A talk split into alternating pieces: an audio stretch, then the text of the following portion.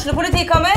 Ine Jansen er purk. Er du purk? The motherfucking bitch. Alt jeg vil, er å finne ut hva som skjedde med mannen min. Jon Carew. Er jeg sikta for noe? Iben Akeli. Det er du. Ole So, Lars Berrum og Big Daddy Karsten. Hvem sin side er du på, egentlig? Anette Hoff, Tone Danielsen, Kommer du fra Afrika? Jørnis Josef, Nesten. Kløfta. Trond Espen Seim, Det er synd å si det, men det var feil mann som døde. Purk. Premiere tirsdag på TV2 Play.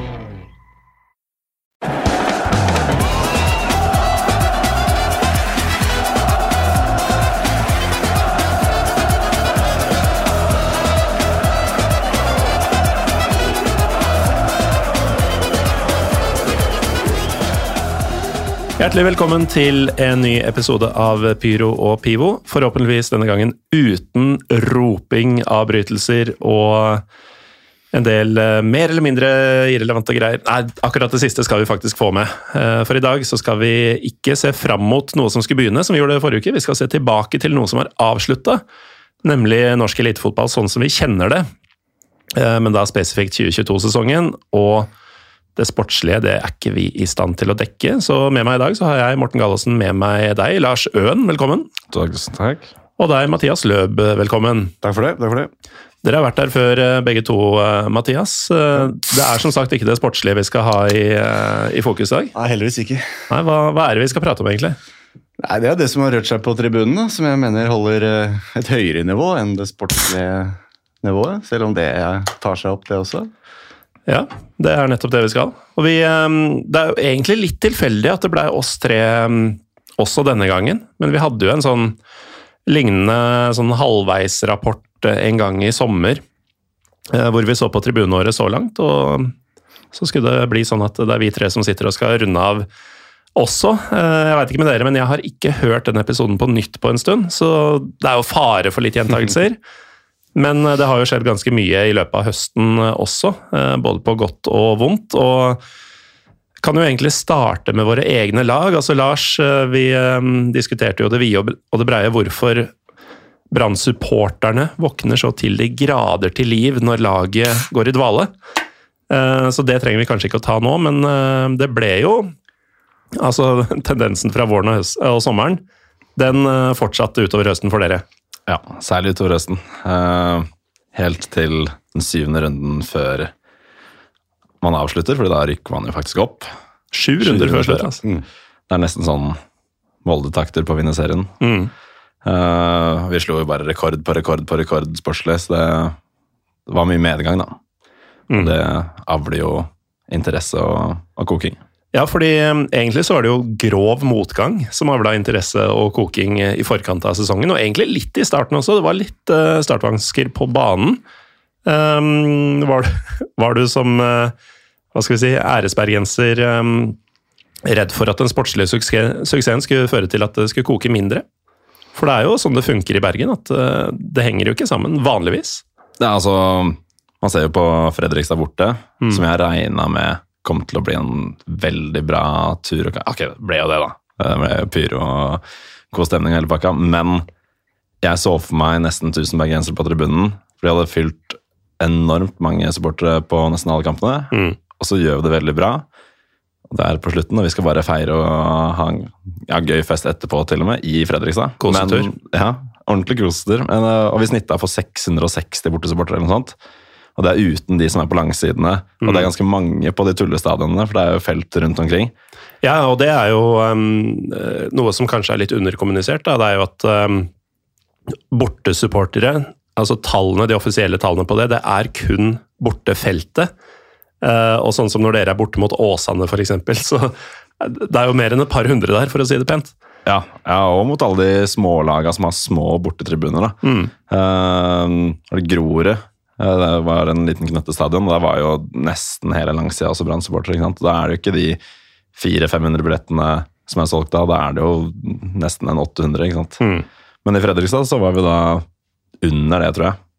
Og det er jo litt sånn skuffende når det faktisk går veldig bra, og vi har fest etterpå, leid et lokale i Fredrikstad og hele pakka, men akk nei. Det, Ja. Var, var det en mandagskamp, det òg, eller? nei, nei, det var, eh, det var i helga. Det var på en lørdag, tror jeg. Alt lå til rette, altså. Ja, virkelig. Nei, det er eh, mystisk eh, klubb du holder med, og merkelige mekanismer. Men eh, det har jo vært et helt sjukt år, da. For de kokende idiotene. Ja, altså på flere fronter med tanke på TIFO. Mm. Uh, vært ganske bra der, vil jeg si. De yngre gutta i miljøet, som vi ja, kan omtale som youth, de har gjort det veldig bra. Snittalderen på TIFO-dugnadene er jo relativt lav, så det er Mm. de som har holdt det gående. De kommer for pizzaen. Ja, ja det også. Pizzabudsjettet er skyhøyt. Ja, men jeg husker som sånn 15-16-åring, som kanskje var mine korte glansdager på TIFO-lokalene. Det var jo eh, lovnaden om eh, pizza som trakk eh, først og fremst, for det fikk man ikke alltid hjemme. Nei, og så er det det sosiale også. Få preika litt piss og ikke fokusere på skole osv. Mm. Men eh, TIFO har vært bra hjemme. Den O-tifoen 16. mai, og ikke minst den siste mot K5. eh, Den var veldig bra. Det var to deler også. Både et svært banner som heises opp, den lille bybanen som går forbi, og så røyk og flagg etter det heises ned igjen. Mm. Så det var ja, bra. Så mange bortetifoer. Veldig bra. Mot uh, ja, lista på greier. Ranheim, Start, Kongsvinger og Sogndal var det ordentlig tid for. da. Ikke Mm. bare noen småbandere, men hele tribunen. Uh, og en god del pyro. Så har dere jo blitt en del grupper etter hvert. Altså jeg lærte faktisk nå i helga at uh, Diaspora Bergensis for eksempel, er mer enn et banner. Det er faktisk en, De har organisasjonsnummer og medlemskontingent og alt mulig. Ja, så har du BB Øst, og så har du jo uh, ja, alle de bergensbaserte. Uh, Åssen er samarbeidet på sånne ting? Samarbeidet er ganske bra nå. Eh, og det skal han, eh, lederen av bataljonen, uh, Erlend Vågane, ha mye av eh, æren for. Venn av podkasten. Ja, og han, eh, han har gjort en veldig god jobb der, da. Eh, Diaspora Bergensis, eh, som du nevnte, det er, det er ikke bare et lite banner med et par folk, liksom. Jeg vil ikke si at det er en veldig alternativ gruppe, eller noe sånt, men det er eksilbergensere av alle slag. Mm. Det er stortingspolitikere, det er popstjerner, og det er håndverkere og ja, helt normale folk. Jeg tror Det som har imponert meg og irritert meg mest med, med Brann i år, er nettopp at det virker så godt organisert. og At man greier å liksom samles i bunnen og, og trekke i, i samme retning. og At det ikke er noen uh, særinteresser som kommer og forstyrrer. Det er det, eller det er det jo helt sikkert, da. men det virker, det virker jævlig samkjørt. da. Um, jeg kan si med en gang at hadde, hadde vi og altså Vålerenga eller norsk hva var det kalte det? Norsk tribunekulturs fiender vært i samme, samme posisjon, så hadde det ikke sett eh, like organisert ut. Det er jeg helt sikker på. Nei, for det, det virka jo eh, man, man så jo egentlig i løpet av vinteren hvor det bar eh, når det gjelder Brann. brann. Fordi det, det var liksom så mye prat på sosiale medier og sesongkortsalg eh, opp i taket og alt mulig sånn. Så man, man så jo at her, her er det faktisk, ja, i mangel av et annet eh, ord, kok.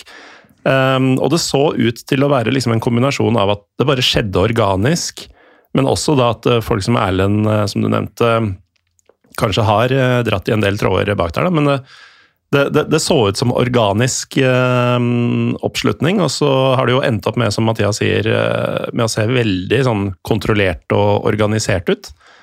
Um, og, og de, de to siste ordene er liksom ikke det man vanligvis bruker om Brann her på Østlandet, Mathias. Nei, det er helt, helt riktig. Og så det avtok det ikke heller. Det Nei. holdt seg jevnt gjennom hele sesongen, så det, kudos for det. Unngått mye skandaler også i år. Det liker vi Ja, også. Ikke noe skandale med nachspiel eller misting av banner eller sånt. Det, det er flott. Nei, det, dere er ikke til å kjenne igjen, rett og slett. Og det er ganske kamper. ville kontraster, faktisk. Men uh, deres eh, gutter, da, altså dere fiender av norsk tribunekultur. Åssen uh, ser du på Vålerengas tribuneår, Mathias? Nei, Sist jeg var her, så så, så det jo bekmørkt ut på banen. Og så og jeg på en måte imponert over at man hadde greid å opprettholde et eh, trøkk også når det gikk, når det gikk dårlig. Og så plutselig kom det ti kamper på rad eh, hvor hvor man virket eh, bare helt uslåelig. Ja, da var det skummelt. I, i medgang så, så så får vi til også litt drahjelp på, på tribunen, da. Um, som kulminerte i et um, veldig flott derby for, for vår del. Eh, så det, det som har fungert, er eh, aldri under 1000 stående syngende supportere på, på østblokka. Mm. Eh, ganske jevnt gode tall der, med 4000 hjemme mot Lillestrøm, 3008 eller 33,5 mot uh, HamKam 16. Og nå snakker mai, du og- bare om ståtribunen. Ja, det er bare på, på Mm. østblokka. Så Det er kanskje, jo eh, internasjonale tall. Ja, det det er meget uh, pene tall, og, og, og liksom relativt mange som, som er stående syngende. Da. Det er jo Mm. klart, eh, med billettpris og, og sånn, så er det attraktivt å stå der uansett, men, men jevnt gode tall der. Og også en del gode TIFO-gjennomføringer som, som vi er fornøyd med. Fikk testa ut et oppheng som vi har eh, brukt mye penger på og lang tid på, som har fungert. Og så, Ja, for det, det debuterte i år. ja, jeg husker ikke akkurat hvilken kamp, men, eh, men det var første denne sesongen. Har det vært uh, alt dere hoppa på, eller? Det er jævla treigt. det går dritsakte. Men det er jo grisesvært. da. Og så har vi en sånn stålbom som veier ganske mye, og så et, eh, et nett. Og hvis du da dekker med, med, med store O-hår, og vi, vi maler på en måte alt, vil ikke ha sånn gjennomsiktig hvitfarge fra vanlig av bannerstoff, vil male alt, da blir det jævlig tungt. Og så Jeg tror det tar seks minutter eller noe sånt, nå, opp og ned. Mm. Um, så det, det er det eneste som er kjipt. Ellers så, så um, fungerer det dritbra. Det går sånn jevnt opp og, og dekker store deler av tribunen, så det var kult å få på plass. Så er det jo ikke bare Brann, eh, langt ifra faktisk bare Brann, som har hatt eh, svære bortefølger eh, denne sesongen. Er det noen eh, spesielle bortematcher du vil trekke fram for deres del? Personlig har jeg hatt et dårlig borteår. Jeg har ikke vært på altfor for mye, men um, Du driver av barn og sånn, ja, det har barn og øver litt på å få litt flere barn, så har litt å gjøre. Øve prøver vi vel alle på. Jo da, men jeg skal ha en arving. Jeg vet jeg har bare en jente foreløpig. men eh, nei, vi, vi, vi traff jo da Det viktigste for oss var å få jerv i sommermåneden. Og traff jo sånn sett eh, helt perfekt med det. Ja, og det ble jo en aldri så liten kampanje, fikk jeg med meg på Twitter. Ja da. Så det ble et ordentlig sjøslag der nede. og Det beste med Jervturen var at, eh, var at eh, det var mye, altså, mye lokale Grimstad-folk, men jævlig mye det sånne turister fra, fra Østland som ante fred og ingen fare, og plutselig kommer sånn 600 mann fra Oslo øst og tar over hele Grimstad. Det var I badetøy og hele pakka, var det ikke? Ja da, det er ikke den mest originale ideen, men, men sånn, med tanke på hvor og når, så Mm. var det uunngåelig. Ja, så er det litt sånn Alle ville jo ha jerv i sommermånedene. Ja, klart det. Fordi, eh, altså for det første, alle unntatt jeg visste jo at dette er den eneste sesongen noensinne jerv kommer til å være i Eliteserien. Oh yes. Eh, Tippa dem jo på åttendeplass, fordi dette er norsk fotball. Bomma. Eh, med et par plasseringer. Eh, og da er det jo sånn sørlandsperle, ikke sant, og hadde alle klubbene fått vilja si, så hadde jo Jerv spilt 15 hjemmekamper på rad i løpet av juni, juli, august. Eh, Sånn ble det ikke. Vi var også heldige med den. Eh, Ikke så heldige med været, og hadde heller ikke en greie rundt det. Men eh, ordentlig kult sted å dra til i august for vår del, Ja, ja. selv om eh, hele opplevelsen, altså tribune og kamp, var rein drit for oss. Stemmer det. Um, så, så er jeg glad for at det skjedde da, og ikke i november, f.eks. Ja, ja. Um, men ja, eh, Grimstad var fett for deres del. Dere vant vel 5-2 eller noe sånt også? var det Ja, ikke? det, var- ja det, var, det ble jo greie siffer til slutt, men eh, jo, 5-2 ble det. Ja. Mm. Mye arrestasjoner, eller? For det blir jo fyll på en sånn ja, sydentur. det- Ja, ja, det var et sjøslag uten like. Ehm, men eh, nei, overraskende få arrestasjoner. eh, Det er klart det ble, ble noe, noe overstadig beruselse og, mm. det som hører med, men jeg syns det gikk pent for seg til å være eh, en sånn satningstur. Da. Mm. Men eh, tilbake til eh, dette TIFO-opphenget og TIFO generelt. Hva er du mest fornøyd med fra fronten deres på, på det i år? Um, det, det var vel i år dere hadde en um, pride-pyroen? Ja. ja. Pride-pyroen i seg selv ble på en måte eh, Gjennomføringen ble, ble god. Syns det er mye de, de andre fargene enn blå hva gjelder røyk, de er mye tettere, å jeg. Så jeg sto jo akkurat der hvor det ble dratt i gang en gul røykbombe. Det er, noe, det er noe av det verste jeg har vært borti. Fy faen. Ja, de, de gule Altså, jeg har vært litt borti gul Ja, det vil jeg tro. det, Men det var noe sennepsgass. Ja, det var det var helt grusomt. det er seriøse greier noen ganger. Jeg kan melde at de røde røykbombene er generelt veldig dårlige, så det blir nesten rosa hver eneste gang. Så vi må blande det inn med svart. Jeg har også litt så, dårlig erfaring med Ja. de røde. Ja. Ja, og spesielt hvis dere også skal ha hvit, så blir det jo enda mer rosa. Helt forferdelig. Men, eh, Dropper rød røyk. Det, det jeg likte best med den, er hvor, hvor rask responstid jeg opplever at tribunemiljøet i Vålerenga generelt har. At hvis det skjer noe som er verdt å markere, så, så trenger det ikke mer enn en, et døgn til før du har et banner eller du har en TIFO. Jeg syns folk har virkelig vært på ballen hva gjelder eh, VAR og VM og Oslo-skytinga. Mm. Det, det er virkelig god gjennomføringskraft hva gjelder, hva gjelder det. da. Jeg liker den der linja du legger deg på. Sånn, dette er like ille ting. Var og, og skyting. Ja, det, det er ganske dritt alt sammen. Ja, det. det er faktisk det. Men der skal vi fotballsupportere klappe oss selv på skulderen. Altså, for det er, altså, man ser det igjen og igjen på innlegg her og der om at hvorfor er det kun Qatar nå som får eh, oppmerksomhet? Hva med Russland og Kina? Sånn? Det er fordi vi fotballsupportere faktisk står på i forhold til alle andre. Og, og det er jo litt sånn interessant, fordi det er jo veldig få grupper i samfunnet som er mer utskjelt enn fotballsupportere.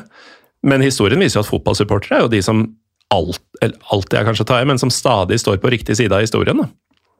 Eh, I hvert fall de som ikke er eh, sånn paramilitære fascistgrupper for Viktor Orban osv., men, eh, men her til lands i hvert fall. Og også veldig mye internasjonalt. da. I fanzinen min så kaller jeg fotballsupportere det moralske kompasset i samfunnet. samfunnet. Ja, apropos, du har en fanzine. Eh, Fortell litt om den. For det, det også er jo noe som ikke skjer så mye fanzine, lenger. Så de fanzinene som fins, de de må vi hegne om.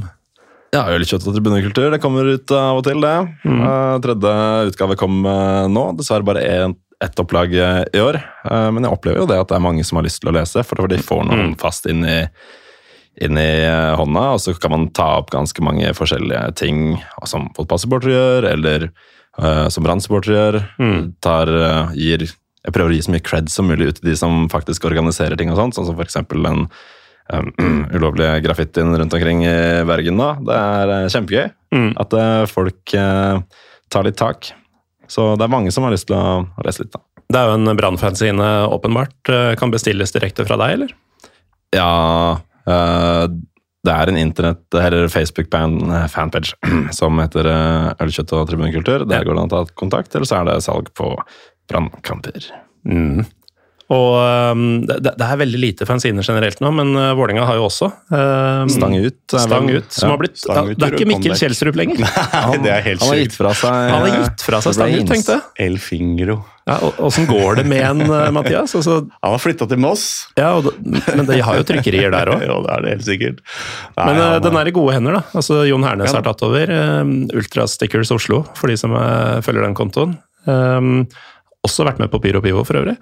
Um, han er jo ordentlig produktiv, da. Veldig. En bra comeback-blekke. Eh, allsidig og, og tar opp eh, både Vålerenga-relatert, men også har et godt fokus på tribunekultur generelt. Så den er eh, av interesse for flere, den vil jeg si.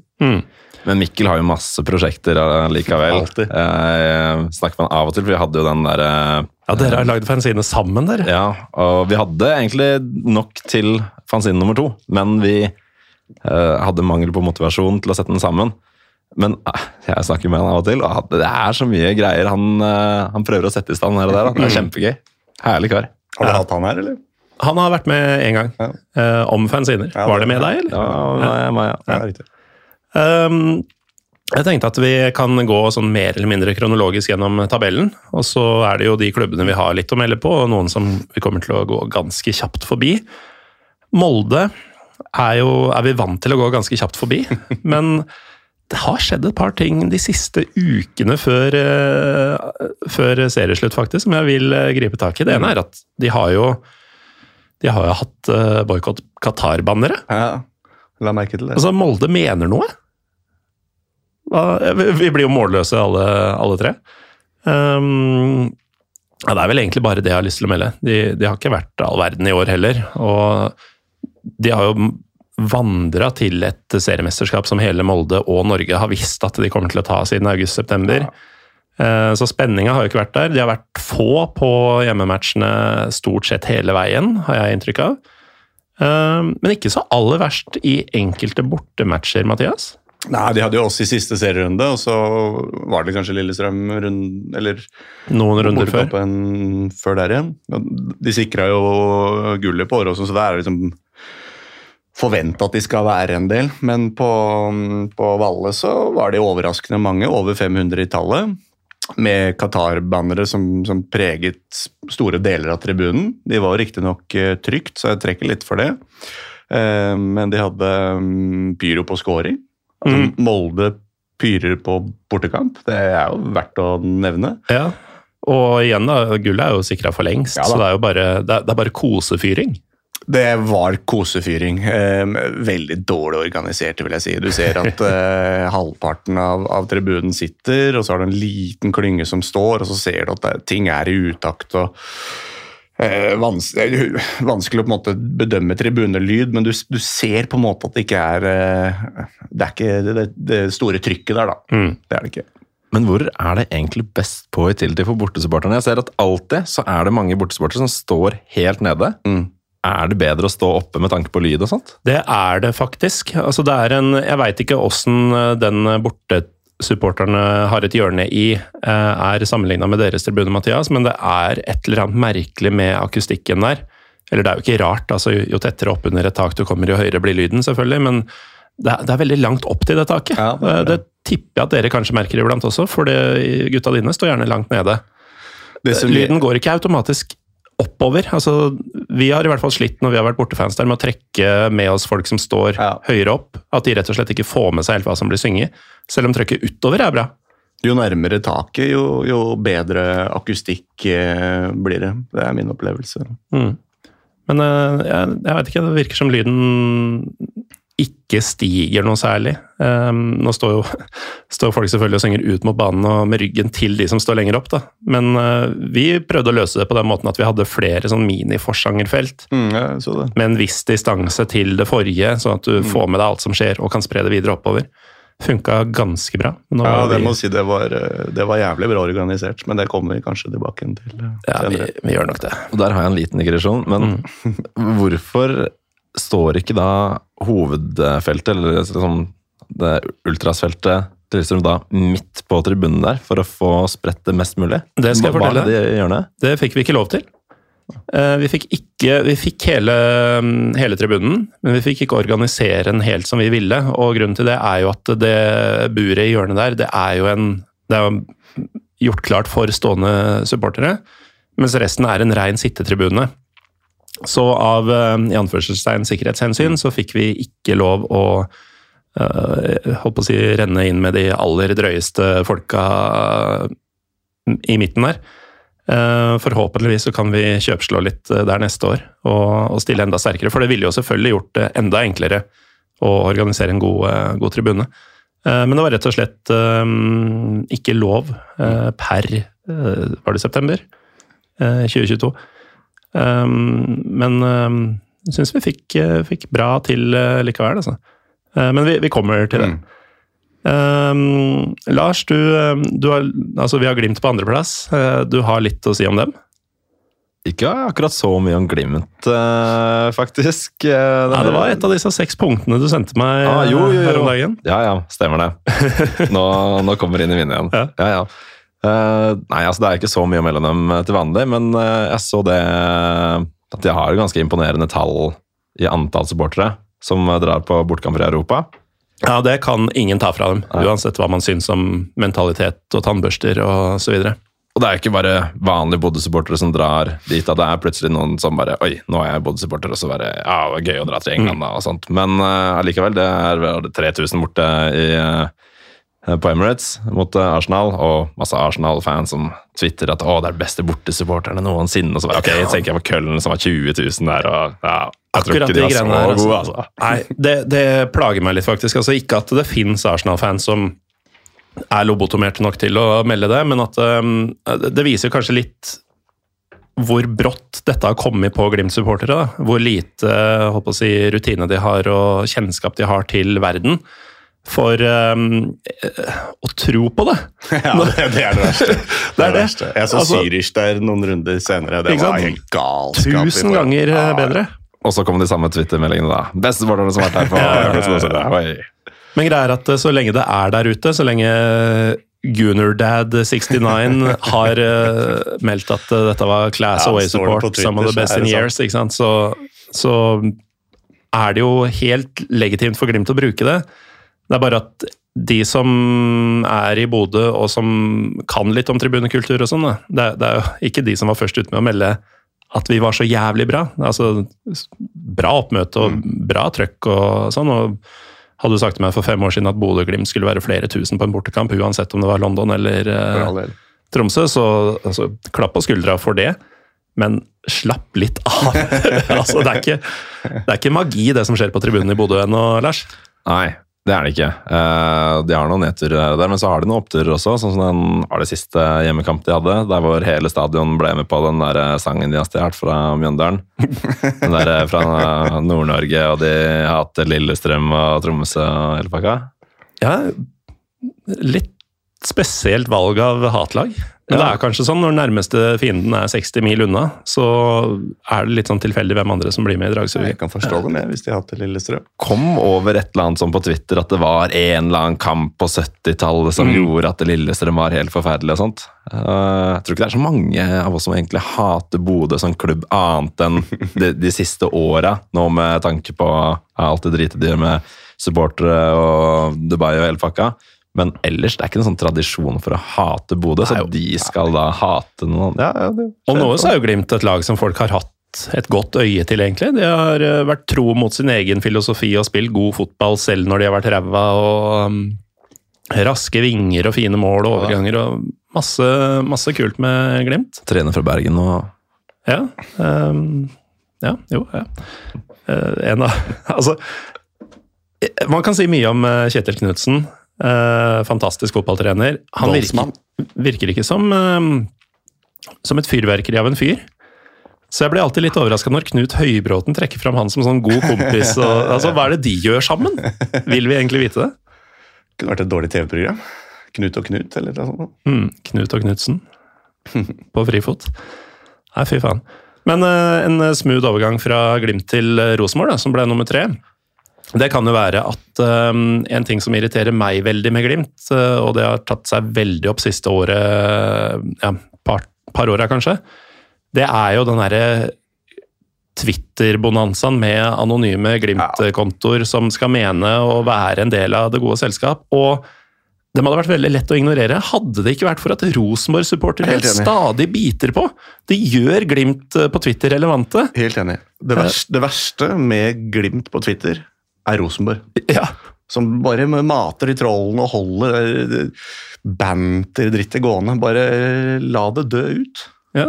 Hvem faen er dere, kan Rosenborg si. Og av og til Strømsgodset som troller rett tilbake igjen. Med det der Glimt i Steigen-banner og de greiene der. Ja, den er fin. Det var så gøy da, nå er ikke det i 2022 da, men da det banneret ble stjålet, Ja, og så var Glimt helt i harnisk ja, fordi dette var dårlig sportshandel. Og da det, hengt opp helt ubevokta på et gjerde. da skal det politianmeldes, og det er, det er ikke måte på. Det er liksom så fjernt fra, fra, fra hvordan i hvert fall jeg har tenkt og praktisert tribunekultur i, i så mange år. Og så har ikke jeg lyst til å påberope hva som på en måte skal være norm og ikke norm, men det er bare Alt er så far-fetched med den klubben. Og, og samtidig så kan jeg forstå hvor det kommer fra. For når du spiller i førstedivisjon det ene året, og så preger du Europa det andre året, selvfølgelig mister du all sans og hemning eh, av det. Og det, det har de åpenbart gjort der oppe. Men jeg tenker med, med liksom det som har skjedd med klubben sportslig, så, så er det bare en, en naturlig konsekvens. Det er koko folk på internett som skriver dumme ting, og, og de, de, eh, de bortefølgene og de numrene de har kommet med, det skal de ha for oss. Det syns jeg er, er bra. Men mm. faen for noe weirdos, altså. Ja, det er litt av eh, Det er en merkelig gjeng. Ja. Men de er jo ikke helt riktig skrudd sammen i Trøndelag heller. Um, Noen takeaways fra tribuneåret til Øvre Øst og Kjernen og Ultras Nidaros og Hvit Tornado, hva de nå heter alle sammen. Ja, Hvit tornado, det, hvis man googler hva det betyr, så er det noe greier, da. Prøv, prøv å google det. Eh, Annet enn i Rosenborg-sammenheng. Det ja, Havner man på um, 18 pluss nettsider? Eh, Det kan hende. Og definisjonen og sånt. Ja, det er det det går mest i. Men eh, Rosenborg de har vært eh, ganske gode i år, vil jeg si. Eh, Høyt toppnivå, definitivt. Ja. Og de har fått i gang mange gode tid for. De har også fått et oppheng, eh, men de har ikke like høyt under, opp til taket fra dems del av tribunen, så jeg tror det går litt fortere. Det går treigt der også, da. Det gjør det. Eh, Men eh, de har fått i gang mye bra tid for, og det er litt sånn Jeg vet ikke om det er reelle tall på de gruppebildene de har. Men de har fått en ganske god medlemsmasse med ultrasene. Eller om de bare går i svarte jakker, hvem vet? Eller om de er 14 år. Har ikke peiling. Men det ser ut som at det har blitt ganske mange, da. At, Svære gruppebilder. mm, Etter min mening eh, de som virker eh, best organisert i, i Norge. Jeg syns av de bortefølgende som har, eh, har vært på, på Valle, så, så mm, er liksom alle med på feltet der. Og jeg vet at det, er, det bor mange Rosenborg-fans i ja, i hele jævla Norge, dessverre, men, men um, virker veldig godt samkjørte og trøkker bra. Og, nei, de er seige, ass. Jeg, Ja, for jeg, jeg er jo gammel nok til å huske en tid hvor Rosenborg var ræva på tribunen. Oh, ja, ja. Eh, skal ikke mer enn en 15-ish år tilbake for det. Og da var det sånn at selv når de var ræva, eller da de var ræva, så var de mange på Åråsen, og de var mange på Ullevål. Det var sikkert mange i. Bergen. Eh, og det var jo pga. disse eksiltrønderne og skaptrønderne og ut av skapet-trønderne osv. Um, men nå ser du jo Nå er jo de selvfølgelig en del av de store bortefølgene i de byene fortsatt, men de er med på ting. Altså, de, de er eh, involvert. De er ikke bare sånn 'Å, nå er, eh, nå er gutta våre i byen, vi tar turen og steller oss øverst i hjørnet og holder kjeft'. De, de kommer, altså På Åråsen så kom de jo i hvitt, hele gjengen. Apropos hvit tornado, de var Vi spraya dem godt uh, den dagen, hvis det betyr det jeg tror det betyr, uh, Lars. Um, men det, det så jævlig bra ut, og det var um, Jeg tror det var fullt bortefelt, i hvert fall bortimot. ut. Um, og, og de var um, aktive langt ut på sidene. Det var ikke bare en klump i midten, sånn som man var vant til, sånn som jeg vokste opp med å se. Da. Um, så det var jævlig sterkt. Og så hadde de jo en, en TIFO i siste serierunde som, uh, som jo var helt nydelig. Ja, det var klasse. Og det, det jeg sikter til, er jo denne Qatar-greia, hvor jeg først eh, For jeg sto Dette var jo da alle kampene gikk samtidig. Jeg fikk jo bare noen vise meg et bilde da vi sto på tribunen på Åråsen, av den, det første banneret. Mm. Med hvem det nå var, som Infantino, kanskje, som sa 'Let's focus on the football'. Eh, og så trodde jeg det var alt. Og jeg tenkte sånn, ok, fint banner, bra laga og sånn, men hva, hva er det dere sier her, annet enn å bare sitere noe? Og så fikk jeg vite etterpå da, at det banneret kom ned, og så var det alle disse gravstøttene for ting i fotballen som, som er i ferd med å forsvinne, eh, som da Qatar-VM er et symptom på. Eh, mesterverk, vil jeg si, Ja. faktisk. Må ta, åpenbart må ha tatt lang tid, så er det noe de har tenkt på, samtidig som at den er, liksom, den er jævlig aktuell. Den kommer i en periode hvor det er jævlig mye fokus på det, rett før, rett før VM. Mm. Og vår største utfordring er å liksom svi av kruttet noen ganger bokstavelig talt altfor tidlig i løpet av sesongen. At vi har liksom 16. mai og fokuserer på derby, og så glemmer vi liksom den høstsesongen. At, at det kommer noe, noe så spektakulært såpass seint, syns jeg var, var jævla kult. Mm. Den var stor, altså. Det er litt gøy å se med Rosenborg eh, at man har sånne store topper. Og så er det såpass mange, men så tenker jeg av og til sånn De har et så stort potensial. De gjør det ganske bra på østlandskampene. Men jeg lurer på hvor det blir av dem på de da si, mm. alt ja, ubetydelige kampene som er rundt omkring. Haugesund og sånt, der hvor det ikke er så mange eksiltrøndere. Holdt jeg på å si bergensere. Eh, og ja, det virker som ikke at det er den store ultrasgruppa som reiser rundt da, Nei. på de kampene. Nei, altså de har jo um, De har jo en del seige borteturer, da. Eh, altså Trondheim til Haugesund med buss, det, det er for viderekomne. Ja, altså Bergen har ganske mange seige borteturer. Det er det samme snittet på reisevei. Men likevel klarer man å stille nesten hele gruppa nesten på hver eneste bortekamp. Mm. Om det er søndag klokka åtte, eller om det er lørdag, eller om det er en mandagskamp. Det pleier å være ganske bra, men det savner jeg litt fra Rosenborg, egentlig.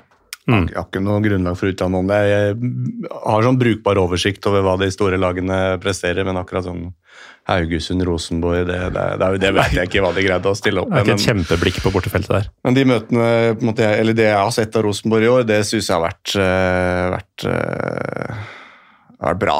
Mm. De leverer på TIFO, de har høye lydtopper, de har vært jævla hissige i, i gatene. Enormt bra pyro i eh, Molde.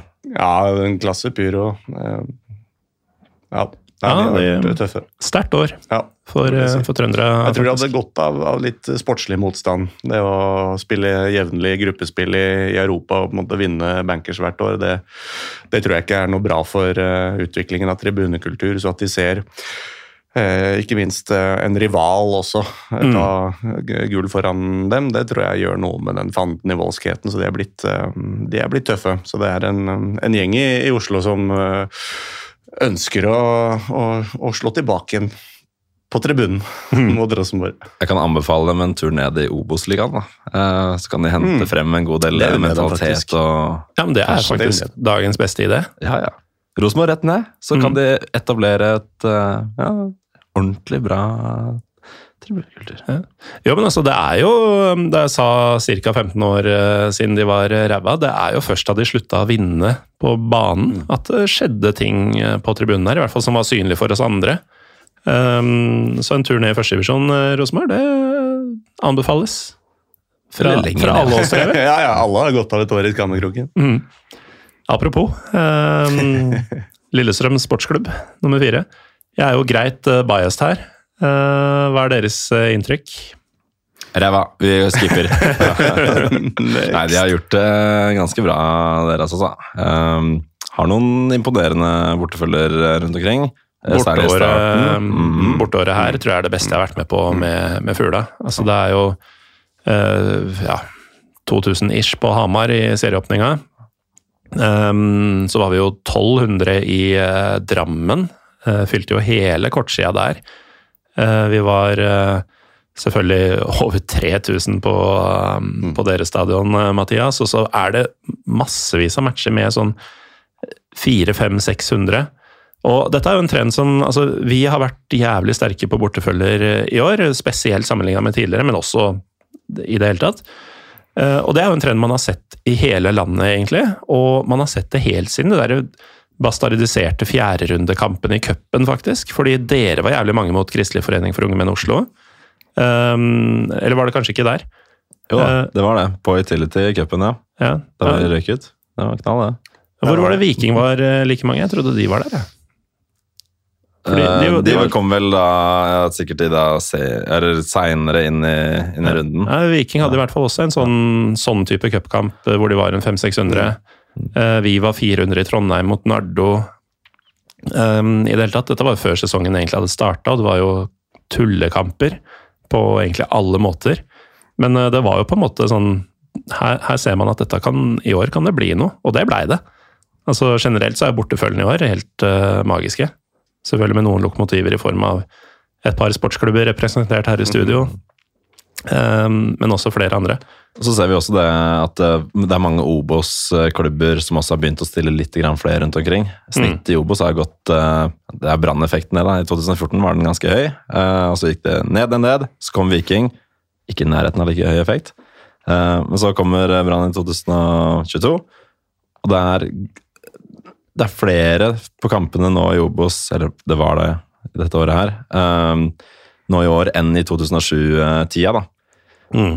Og det er ikke da bare på de hjemmekampene på, til det store laget. Det er noen bortesupportere som begynner å ta seg opp. Ja, KFM for eksempel, kommer plutselig på noen bortekamper her og der. Mm. Det skjedde jo liksom ikke så mye sånn ja, for fem år siden. Da. Nei. Um, tilbake til Lillestrøm, så er jo det som er verdt å ta med seg, at man, man fylte jo faktisk Åråsen tre ganger i løpet av ehm, første halvdel av sesongen, mot uh, Vålerenga og Rosenborg og 16. mai-matchen mot uh, Serp. Um, og det var ehm, Dette var vi jo innom i, i forrige runde i sommer også, men at det har vært mye unge folk, mye nye folk, som du både ser eh, liksom ta med seg kompisgjengen på hjemmekampene, ta med seg en del kompiser på borteturer og sånn, at det endelig gror litt igjen. da. Um, og med liksom det at man leda serien halvveis og sånn, så ble det jo selvfølgelig masse entusiasme og en del eh, vanvittige lydtopper og sånn, som vi også har vært innom, og også et par eh, nye sanger. Men så har jo høstsesongen ikke stått helt i stil, da, selv om man har gjort eh, mye bra på tribunen videre, så enhver LSK-supporter kommer til å huske de første 15 bedre enn de siste 15. Jeg husker jo mange av liksom, eh, Lillestrøm-folka sa tidlig at det her kommer ikke til å holde ut. Det, det, det kommer jo til å avta noe på det, på det sportslige.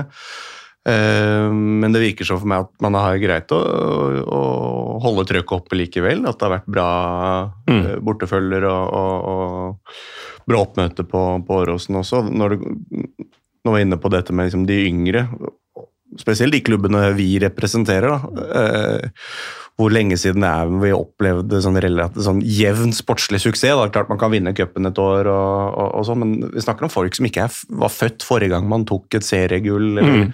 eller måtte spilte jevnt i toppen. Da. Så de har fått øya opp for eh, liksom, nummer én norsk fotball, men nummer to liksom, aktiv tribunekultur. Det, Mm. det er jævlig viktig. Det er vel kanskje derfor også Rosenborg for eksempel, da får ganske mange folk, for det er konstant ganske høyt oppe. da. Mm. Uh, Det er alltid håp om noe. om det er sant. cupfinale, medaljer, gull, Europacup. Uh, Det er jo uh, eksotiske varer for alle oss tre, de tingene jeg nevner der. I det hele tatt det å ha et håp om noe. Det, det er få forunt i norsk fotball. Um, ellers er det jo et, um, et skuffende TIFO-år for, eh, for LSK. Eh, lite oppfinnsomhet og, og sånn. Det har en viss eh, forklaring i at det har vært litt halvveis samarbeidsklima i, uh, i Fugla-TIFO, men der ble det tatt grep i høst, og jeg håper det betyr at man kommer vesentlig sterkere tilbake neste år. Um, en og annen propp i systemet som, man, som jeg tror man har eh, fått ordna opp i. Um, Jeg syns derbyene ble tatt godt uh, vare på fra, fra begge sider. Det, det er kamper som vi har snakket om tidligere, som, som jeg opplever forplikter. Um, det syns jeg var, var høy klasse over både Altså fra Lillestrøms side, da. Både på Åråsen og på, på Valle syns jeg var, Mm. var bra. Men det har vært lite utover det. Ja. Og ja, Brann hadde jo fire-fem ordentlige bortetifoer i første divisjon, med mye mandagskamper og sånn. Eh, Da, skal man forvente høyere aktivitet fra eh, fra noen på vårt nivå da, på, på tribunen. Og også nå som vi er et bra fotballag eh, på andre året på rad. Uvante tider. Apropos uvant, eh, noen som så Odd eh, på femteplass før sesongen, eller? Nei, den hadde jeg ikke på lista. ass. Har noen lagt merke til Odd på tribunene, til tross for denne mm, sportslige boomen? De har vel hatt noe Qatar-bannere her og der, og noe pyro her og der. Men uh, jeg savner jo litt de ja, litt skikkelige tifoene, for de har flytta seg ned til det hjørnet. De sto der i fjor også. Hvor mange ganger har de flytta seg, egentlig? Ja, på? fader. Jeg, Men det er, det er en veldig bra tribune, da. Det er ja, veldig Jeg skulle gjerne hatt den sjøl, ja, som bortefan. da. enormt bra, bra trykk der. Men eh, ja, jeg savner noe ordentlig store tifoer. Det kunne vært noe.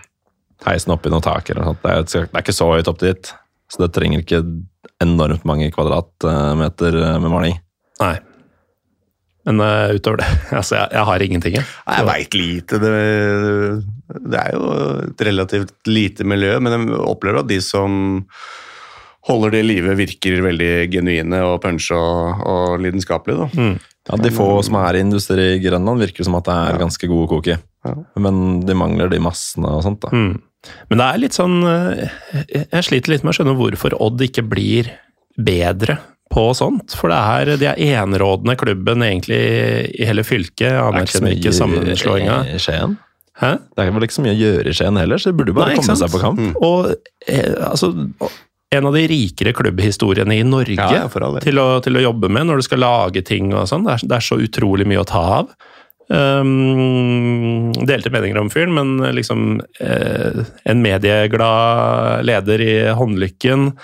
Um, han derre Johansen, treneren, er jo kanskje litt ufrivillig en karakter. Altså, jeg skjønner ikke at man ikke klarer å skape mer entusiasme der. Men jeg ser også noe, at det er noe sånn skolebesøk rundt omkring med der hvor Oddrane Det er vel han, jeg vet ikke om det er Sander eller Vetle, som uh, står uh, foran en hel skole inn i en gymsal, og så er det noe klapping og noe Odd-greier og sånt. Så de prøver jo å, å påvirke de unge til å komme, komme med, de også, da. Mm. Ja, det, er det. Det er vel Rune Tribune som har eh, skremt folk vekk i alle de årene han har vært eh, aktiv. Ja, da, da fikk eh, endelig noen sagt, eh, sagt det som kanskje er teorien til alle tre. Um, videre på tabellen har vi jo Vålinga. Vi var jo ganske godt gjennom det innledningsvis, eh, Mathias. Er det noe du brenner inne med? Nei, ikke som jeg kommer på eh, umiddelbart. Jeg syns Eller jo, jeg, jeg, syns det man greide å, å, å samles under en, eh, en en måte tribuneparaply i, i rebrandingen av tribunen vi står på, da, i form av Østblokka, det var et veldig smart grep. da. Um, Kladen er på en måte den største merkevaren til Vålerenga og har, har vært det i lang tid. Kommer sikkert til å være det eh, lenge også, men eh, det var behov for litt uh, nyskaping, nytenkning, og, og, og med liksom ultraskulturens eh, innpass så, så um, har det fått gro godt noen, noen år, og så har samarbeidet vært bra, men det var på tide å, å, å, å stå under en, en felles fane. Mm. Og det å bruke østblokka som, som et aktivt uh, uttrykk uh, tror jeg har vært veldig samlende, spesielt for, for den yngre generasjonen, og et uh, jævla smart grep.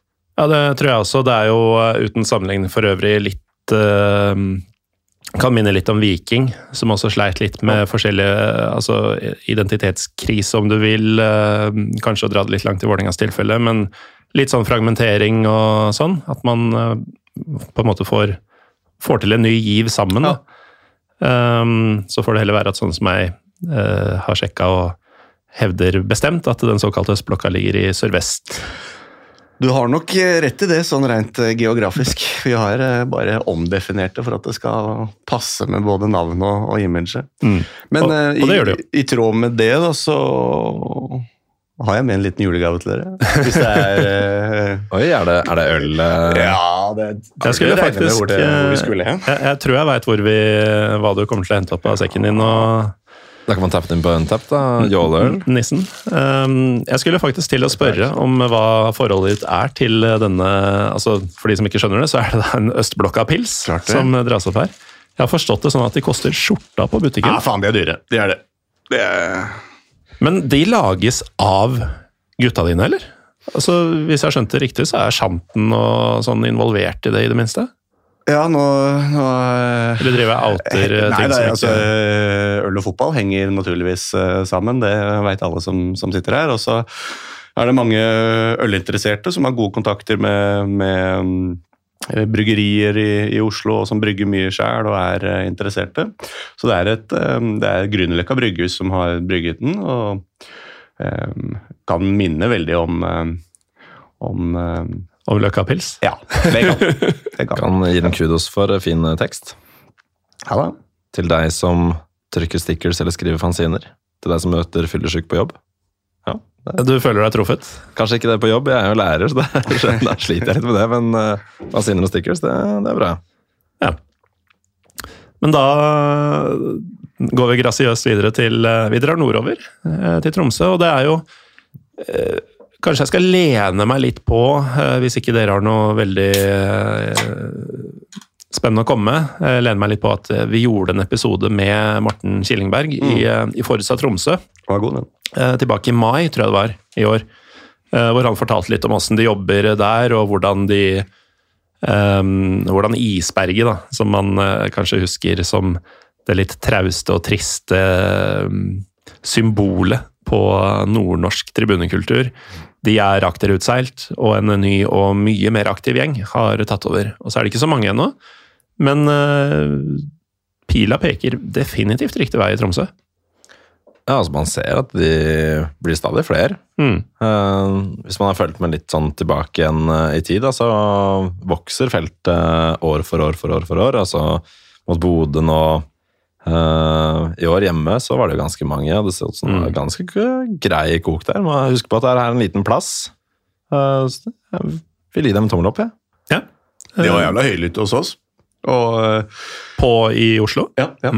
Og mm, et uh, pyroshow som ikke var på en måte bare dra av et bluss eller en blussrekke foran, var spredt over, over store deler av, av, tribunen. Så det var liksom gjennomtenkt og organisert og planlagt. og mm, Jeg har ikke så mye å utsette med, med, tanke på de ressursene og, og utgangspunkt de har. Så helt tydelig at, uh, at um, noe har fungert der oppe. Mm. Og det er jo kanskje Du nevnte at det var en liten plass, Lars. Det er jo um, hva er det man sier på engelsk? A beacon of hope for um, folk som har lyst til å utrette ting på mindre livlige steder, da, som nevnte Skien, uh, som Molde, som Sandefjord. At uh, Nå er det vel 2013, hvis jeg husker riktig, at det forutsatt Tromsø ble stifta, så det har tatt tid å komme hit. Mm. Men det går faktisk an å skape noe fra mer eller mindre ingenting. Så lenge man uh, har en plan, veit hva man gjør og, og jobber uh, på en ordentlig måte. Tipper også at uh, det er mulig å kontakte dem hvis man er i en sånn situasjon, og få litt tips og sånn. Um, og de òg tror jeg profitterer av en rival som gjør det bra. Mm. At uh, en klubb som du har et uh, aktivt uh, Jeg vet ikke om det er et reelt hatforhold, men i hvert fall at det er en, en rival. Ja, mm. det, det, tror jeg gjør noe med mentaliteten til, til Tromsø. da.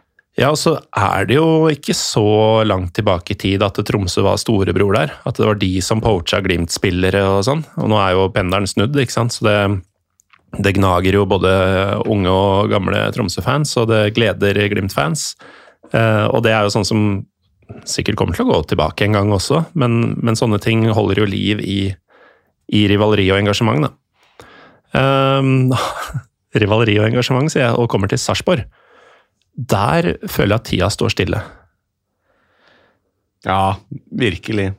De tror jeg har en ganske bratt oppoverbakke ut ifra hva jeg hører med altså angående samarbeid med klubb og, og dra i felles retning og det virker tungt, altså. Mm. Det, er, det, er, noen som, som prøver. Um, jeg vet ikke hva disse grupperingene heter, men det, det, føler at det kommer og går litt. Ja, de, det er romertallet, er det ikke det? Ja? Jo, romertallet, ja. uh, som de for så vidt ikke heter. Men det, det, er jo, altså, du må jo stå der en hel kveld for å deskifrere hvilke tall du skal fram til, med mindre du er veldig historieinteressert. Um, de har jo i det minste altså, De har en veldig spesifikk stil. Eh, de går vel alltid i svart, eh, tror jeg. Eh, og skiller seg sånn sett veldig ut fra de blåhvite på resten av feltet. Mm. Og de oversetter alltid sangene direkte fra en eller annen klubb de henter det fra. Om det er Ajax ja, ja. med 90 minutter på tribunen og sånt. ja. Så det er også en ganske spesifikk greie med Sarpsborg. Mm. Så har du Olavs Queens, da, som fortsatt holder det gående. Jeg så et gruppebilde ganske nylig hvor det var en fem, seks, sju damer. Eh, som for så vidt er en anselig dameultrasgruppe i norsk målestokk, men det er liksom Når det er det man blir sittende og prate om her, så, så er det en jobb som må gjøres i Serp. Og de, når de ikke har Moss opp i førstedivisjon, dvs. Si at du har Moss og Fredrikstad der, de kan jo bounce litt på hverandre neste mm. sesong. Sarpsborg kunne trengt enten et år ned, oh, ja. eller å få opp en av dem ganske kjapt altså, for, å, for, å, komme i gang. Da bytt Sarpsborg mot Fredrikstad. Det hadde vært ganske deilig. Og hvis ikke det går, så bytt det mot Moss. Ja. Jeg var faktisk på opprykksmatchen til Moss, ja, uh, og det var ganske gøy. De, um, uh, det var mot Ullern, og mm. Ullern hadde ikke helt forutsett at uh, kanskje ikke visste at Moss kunne rykke opp den dagen. For de hadde bare satt av en liten del av den lille tribunen som er der Uh, selvfølgelig uten å være i nærheten av å fylle den delen som var igjen til sine egne fans. Som gjorde at den, uh, den bortetribunen, som jo er sånn tribunemannen-variant, ikke sant? Uh, den var jo fylt til randen, mm. og selv etter at den var fylt opp, så begynte folk å gå Den kunne jo rast sammen som faen. og utover det så var det sånn at du kunne gå rundt i skogen bak målet og på andre sida. Um, Nordlink på Twitter, som dere sikkert har fått med dere. Mm. Han, jeg leste litt om matchen der. Han, de, de, kan ikke ha sett på tabellen eller skjønt at uh, jeg vet faen, Moss kunne ha rykka opp? De, de, var jo ikke forberedt i det hele tatt, uh, Ullern. Uh, men, men, det ble jo bra likevel. Altså, de, de, som virkelig ville, de stelte seg på den tribunen, og resten stelte seg litt rundt omkring. Uh, Nordlink insisterte på å gi meg en, apropos det i stad, en gul røykbombe. Som det var meninga at jeg skulle ta med meg over på, til skogen på andre sida og fyre opp der, men Eh, kom liksom aldri så langt før spillerne kom ut, så det endte opp med at den fikk vi bare dra ut splinten av bak mål. Sånn tilfeldig sted. Hvor da følgende skjedde. Ehm, eh, det var jeg og en kompis, også Lillestrøm, som fikk eh, disse her. Og um, en av Det er kanskje drøyt å si vaktene, men vertene i hvert fall til Ullern kom jo bort til han kompisen min, da, som var litt nærmere enn det jeg var, og sa hei, du, det der er ikke lov. Hvor da La oss kalle han Stefan. Stefan sier 'jeg har fått lov'. Og Merten bare ja, 'ok, da så', og gikk tilbake.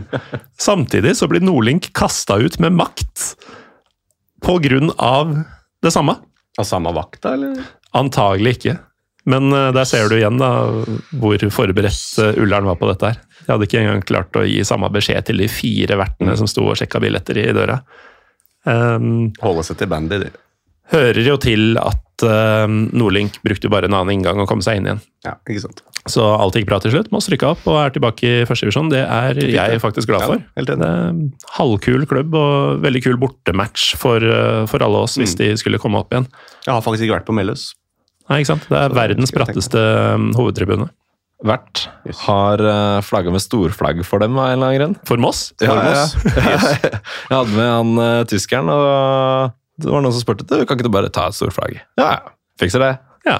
Du veit jo åssen man gjør det. Ja, ja. Så blir det pølse i vaffel, da. Knall, knall stemning. Ja. De, de solgte faktisk Der var um, Ullern forberedt. De solgte pølse i vaffel. Ja, okay, det skal de ha. Det var ikke sånn at de hadde pølse og de hadde vaffel, og du kunne kjøpe dem separat. De hadde det som egen greie på menyen.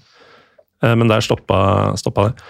Um, vi, uh, vi skal til Ålesund, vi. Ja. Der er det vel Ja. faktisk uh, noen tendenser.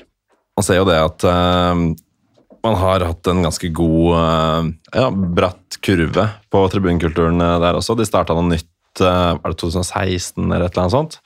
Så de jobba ganske hva skal si, effektivt mm. fremover. og bygde opp noe helt nytt. For det var liksom den der gamle stormen, og de hadde en gruppe som het Jugend en stund, men alle de vokste opp og ble familiefedre. og de, ja, ikke sant? Men fortsatt har det et eller annet sånn med Motherwell av en eller annen grunn. Men, uh, men ja, Uh, de har hatt en ganske bratt kurve, virker det som. Altså På TIFO-fronten i år så har de jo faktisk gjort det ganske greit. I forhold til mange andre klubber som er egentlig større med tanke på tribuneskare eller aktive alternative supportere, sånn som f.eks. Mm. Start. Ja, du, nå er du fornøyd med deg sjøl. For du har, eh, du har venta på muligheten til å snakke om Start. Skal vi, skal vi bare hoppe dit med en gang, eller? Vi kan ta det. Ja. Ja, for det er jo en, eh, en Det er en stor by i Norge. Det er det. eh, I, forhold, I hvert fall i forhold til Ålesund, vil jeg tenke. Ja, men det er jo den femte største i Norge, eller noe sånt? ikke? Ja, og så Så ja, ja, man kan jo snakke om det sportslige opp og ned og sånt, men det virker som at de har hatt en ganske god utvikling på den ultrasfronten med tanke på antall medlemmer og eh, syngende supportere og sånt. Der virker det ganske bra. Det virker som koket i Kristiansand er, eh, er større enn det har vært på lenge, Ja. faktisk. Men med de forutsetningene, og de har vært en gruppe ganske lenge, så Jeg må bare si det, de er, de er ræva på TIFO. altså, de har Jeg vet ikke om det er en 50 stykker inne i gruppa der, med de yngre og de eldre, og de har da noen som kan være litt sånn stå-på-folk, og så er det noen som har erfaring. Da burde man klare å, å få til noe greier, da. Mm. Men det er bare noe sånn der, de har sydd sammen noe svart og gult, og det er liksom det, og så Ja. Det er Ja, hele det- opplegget hennes, det. Det virker vanskelig å få med massene i Kristiansand. En ting er at du har en kjerne i en ultrasgruppe på, på en 50 mann, men du er nødt til å ha, med, ha med deg noen nummer ikke sant? For, å, for å få til de litt, litt større tingene. Og så, så er det klart at det går an å gjøre litt kreative ting når man er få, men uh, Men å lage et stort banner, for eksempel, som kan gå over alle sammen her og der, det, og det er mange ting man kan gjøre som ja, kan bli relativt stort, man ikke trenger masse til. Jeg husker vi hadde um, Jeg lurer på om det var i 2000. Så hadde LSK en, um, det man i dag kaller OH. Um, Et banner den gang som ble heist opp um, foran tribunen. Lurer på om det var mot Vålinga faktisk. Som da gikk fra sånn cirka si 40 meter og inn mot målet. da, Dekka hele Kanarifeltet og vel så det. Bare sånn ganske enkelt uh, svart i eh, øverst og nederst, og så var det gult, eh, gul hoveddel, og så sto det Lillestrøm SK eller Lillestrøm sportsklubb. Husker jeg riktig, så var det ei dame som hadde, hadde sydd det. Ja. Så um, uavhengig av hvor mange av disse folka som er aktive i holdt på å si, hverdagen utenom kampdag i Kristiansand, så bør man jo kunne forvente mer på den fronten. Ja, altså man ser i en vanlig TIFO-gruppe, det er ikke enormt mange som er aktive. At I Bergen nå så er det to-tre stykker som er virkelig på, og så kommer det ganske mange hvis man virkelig spør om det. da. Men ellers er det de tre-fire stykkene kanskje da, som, som står på. Det er en som syr, det er en som kanskje kan å sy. Ja, det er alltid han ene. Han er alltid, kommer alltid sist på dugnad. Jævlig irriterende. Da må man ha opplæring, da. Det har vi prøvd med Bergen. Nå er det i hvert fall tre. Men det er litt sånn uh, gøyalt med kanskje spesielt ultraskultur, da, men også supportkultur generelt, er at det er jo veldig sånn herre Fortsatt, selv om det har kommet mye damer inn uh, mange steder og sånn, så, så er det veldig sånn macho-prega. Og uh, det å kunne sy er jo ikke sånn veldig Altså, det står ikke helt i stil der. Men det må være det å si, hardeste miljøet i samfunnet, hvor det, hvor det er kult å kunne sy. Det er ikke rakettforskning, altså man burde jo klare det. Jeg holdt meg ikke innenfor strekene, husker jeg, i fjerde klasse, da vi skulle ta eh, symaskinprøven. Da skal du sy- uten tråd da, innenfor en eller annen sånn løype. Det greide ikke jeg. Da husker jeg kunst- og håndverklæreren sa ja, ja, du skal heldigvis ikke sy så mye i ditt liv, men faen hvor mange kvadratmeter jeg faktisk har sydd i ettertid. da. Da er det et fint eh, motto som jeg alltid hadde da jeg stirra til for. Det er ingen som ser det på avstand. Det Det er helt fint. Ja, fint. vi jo jobber etter den. Eh, Men apropos avstand, vi, vi var egentlig på Ålesund. Ja. Eh, Positiv uh, utvikling. Et par gode TIFOR, faktisk. Jeg vil si ganske bastant at eh, Ålesund er Jeg vil faktisk si tilbake, for det har de også vært før. Um, At de er Møre og Romsdals beste på tribunen. Å ja, ja. Ja, det er de. Mm. Det er det. Det er vel ikke de- så mange de konkurrerer med, da. Ja, men Nei, de, er konkurrerer, de konkurrerer med seg sjæl, fordi Ålesund var, var store da de fikk ny stadion i Mm. jeg husker ikke når det var, 05, 06, 07, i liksom, tidsperioden der, og, og opplevde en enorm boost. Solgte ut hver hjemmematch, og greier å holde det liksom, litt gående med å vinne de to cupgulla. Ene mot uh, Brann, heldigvis. Um, og så faller det jo eh, i et enormt mageplask eh, å liksom, møte litt eh, seg selv, men å så liksom, komme tilbake igjen fra det, syns jeg er imponerende. Mm. Jeg er litt usikker på hvordan de grupperingene er organisert, og liksom, akkurat hvordan eh, den ÅFK Support definerer seg selv, men jeg syns de virker eh, virker som kreative. Eh, har flere elementer. Én En ting er å liksom, dra opp en bra TIFO og lene seg tilbake igjen på den og kjøre den som coverbilde og bla, bla, bla, men det, liksom holder det visuelle gående gjennom kamper. Opprettholder Jeg syns de, de, ikke sant, de drar til Kristiansund og, Molde med, med sånn gode antall og greier som holder litt liv i det som skal være litt interessante kamper i et dørgende kjedelig område av landet. Ja, og så husker jeg at ja. da de skulle til Molde, det var ganske seint i sesongen, så var det veldig sånn Det var mye på Twitter og sosiale medier. altså Du merka at dette er en happening, dette er noe de bygger opp til. Og de hadde noe sånn herre Jeg vet ikke om de var om de kalte det Moldor eller hva det var, men det var liksom sånn uh, Vi skal dit, vi skal dit, vi skal dit. Kom igjen. Retweet hvis du skal dit. og sånn. Det, det var liksom Det føltes som det skjedde noe. At, det- Ja, at og, det var når du ikke får noe tilsvar fra motpart da. Liksom, Mm. Molde er ikke interessert i å holde noe som helst rivaliseringer i, i, i livet, så når de greier å ja, Når Ålesund greier å holde trøkk på det, så syns jeg er kult. Mm.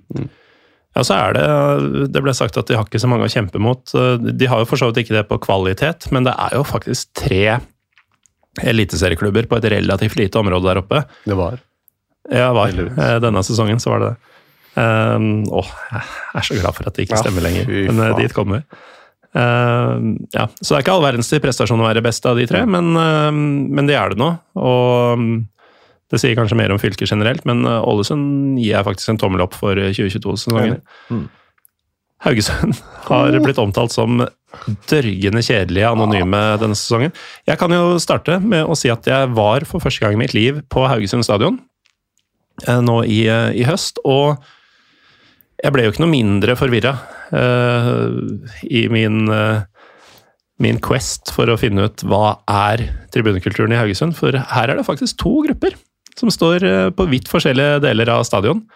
Og jeg eh, skjønner fortsatt ikke hvem av dem som var Måkeberget, f.eks., men det var da vi fikk jo den her forferdelige femradaren uten tak Mm. bak det ene målet. Eh, og til høyre for oss, på det som generelt er en sittetribune, så viste det seg da kampen nærma seg, at eh, her er det en stående gjeng. Det er de som har pleid å være Måkeberget tidligere, i hvert fall. da. Ja, det var det jeg trodde. Mm. Eh, De gjorde null ut av seg før kampen. Jeg skjønte ikke før spillerne kom ut på banen at dette er et ståfelt, fordi folk satt og Ja, som hele resten av stadion, egentlig. Og så var det på motsatt kortside, der dere var så jævlig mange for noen år siden, eh, Lars. Er hvert år vi har vært der, egentlig. Ja, Nå virker det ikke som dere kommer til å få være der mer. eh, For nå har eh, en ny gruppe, eller hva det er for noe, det- tilsynelatende mest kids. Og noen foreldre. Altså Det er det det så ut som på 100 meters avstand, i hvert fall. Eh, De var mer aktive enn det Måkeberget til høyre var, men det var jo ingenting. Ja. Og gudene veit hva det er som foregår der. altså Om, om de var 30 til høyre for oss og 40 på andre sida, liksom. At eh, det ikke skal gå an å finne på noe felles der. Men eh, jeg stiller meg like undrende som forrige gang vi snakka om Haugesund, til hva er, det, hva, hva er det de prøver å være? Jeg aner ikke. Nei, ikke heller. Og jeg prøver å ta dem på noe. Liksom å, liksom, det, hadde vært mye lettere om jeg kunne kritisert dem for noe de gjorde som ikke funka, men jeg bare, jeg skjønner det ikke. Jeg, får, jeg forstår Nei, ikke jeg ikke. Og kritikken vår av dem, om det var oss i sommer eller om det var sesongoppsummeringa i fjor Men det nådde jo eh, pressen i Haugesund. Det, det var en lokalavis der som refererte til Pyro og Pivo, eh, som hadde kritisert dem for å være identitetsløse, eller hva det nå var. Og da var det en eh, ledende supporter som sa seg helt enig. Eh, vi, vi, har Selvinnsikt har de gjort. Ja. Jeg tror du kan si det i år også, da, så kanskje du får noen nye headlines og litt sånn eh, Ja. reklame for podkasten. Mm. Eh, Men eh, nå skal det sies at en av mine favorittpersoner i hele eh, norsk fotball er jo mediesjefen i FK Haugesund. Ja, han er bra. Runar Norvik, Balkanfabrikken. Eh, Jeg vet ikke om dere så den sesongkortpromoen her om dagen? Det med det der skiltet? Ja. Ja. Alle holder kjeft og Ja, ja. sparer stemmen til sesongstart. Blant annet noen som har samleie. Helt stille, hvor han ene holder opp et tekstbanner hvor det står 'ja'. Eh, så det føyer seg inn i rekka av masse fete krumspring fra, fra medieavdelinga der. Og i en hvilken som helst altså Hadde det vært en større klubb, så hadde det jo vært altså Apropos mediesjefer. eh, Han er vel markedssjef, for så vidt, men mer enn Amundsen Ansari og Stere Ja, han, er, Mathias? han er sjef, han kan ta bort det første. Han er sjef. Ja, altså han, han gjør ting riktig. Han vekker folk og, og drar folk på kamp og får folk til å føle en tilknytning, og at denne klubben er noe og skal være noe og sånn. Eh, hadde Runar drevet med det samme i f.eks. Vålerenga eller Brann, eller Lillestrøm, skal jeg love deg at det hadde vekka folket til live. Altså. At han fortsatt er i Haugesund, er jo et underverk. Han uh, gjør ting bra. Han gjør ting bra Uh, likevel. Det funker ikke på, på Silda-folket. Kan jo melde det at de gjør det ganske mye bedre mot oss i Brann enn det de gjør mot alle andre. Fordi folk i Haugesund de bare hater Bergen av hele sitt hjerte. Hvis du går på byen i Haugesund og du er fra Bergen, så er det folk som er dritsure på deg. Det er familiefedre som bare har lyst til å klinke deg ned, kun fordi du er fra Bergen. Nå er ikke jeg det, heldigvis. Da. Brann-supporteren som sier han heldigvis ikke er fra Bergen. Nei, Kjekt å være fra der. men Kjekt det. Ja, det er fint, det. Ehm, det er et annet lag fra Rogaland som ehm, så jævlig bra ut sist vi møttes. Jesus. Jesus Christ, for et fall! Viking eh, fotballklubb. Ikke interessert i å være med i det hele tatt? Det Verken på banen eller tribunen etter hvert. Jeg meldte det forrige gang eh, vi snakka sammen, alle vi tre, at eh, det hadde vært eh, gøy å se hvis Viking gjør det dårligere, og boom! De gjør det, gjør det kjempedårlig, og så er det ingen interesse. Jeg, jeg har en uh, venninne, uh, la oss kalle henne Svanhilde, uh, som er på en VIP-tribune, og hun sendte en snap fra hver kamp. Og feltet ble mindre og mindre Mhm. og mindre og mindre og mindre og mindre trøkk. Så kanskje man hadde noe høydere med noen bortesupportere av og til. Ja. Og det var det. Vi var jo der um, også nå i høst, det var vel i oktober, tror jeg. Og da hadde de jo en um, aksjon mot uh, egen klubb. Eh, de hadde hengt bannera sine opp ned, de hadde en protestfyring eh, og diverse. Og jeg prøvde jo å spørre litt om hva, hva ligger til grunn her, og svaret på, på sosiale medier var jo at de var misfornøyd med overgangsvinduet og liksom retninga klubben gikk i, hvordan de jobba og sånn. Men det var liksom vanskelig å finne noe håndfast som gikk utapå det at vi har blitt ræva, Mm.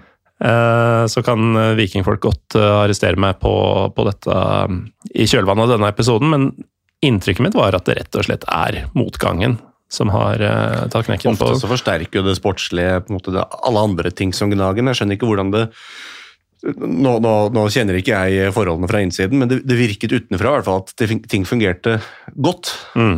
Og dagen etterpå så fungerte det ikke i det hele tatt. Nei, De melder jo det selv på Twitter også, da. At Mm. eh, med en gang det er motgang, så, så funker det ikke. Nei. Nei, men jeg synes, altså, En ting er å bli dårligere når laget gjør det dårligere. og sånn, Du, du mister motet, og det blir kaldere i lufta. liksom hele den grad der, Det er helt naturlig, det. Men jeg syns det var, um, var voldsomt. Eh, fordi det, det er ikke så mange måneder siden alle rundt Viking elska alle i Viking. Markedsavdelinga var på jobb, mm. arrangement, det sportslige. liksom Alt stemte. Alle var venner, og det var bare solskinn.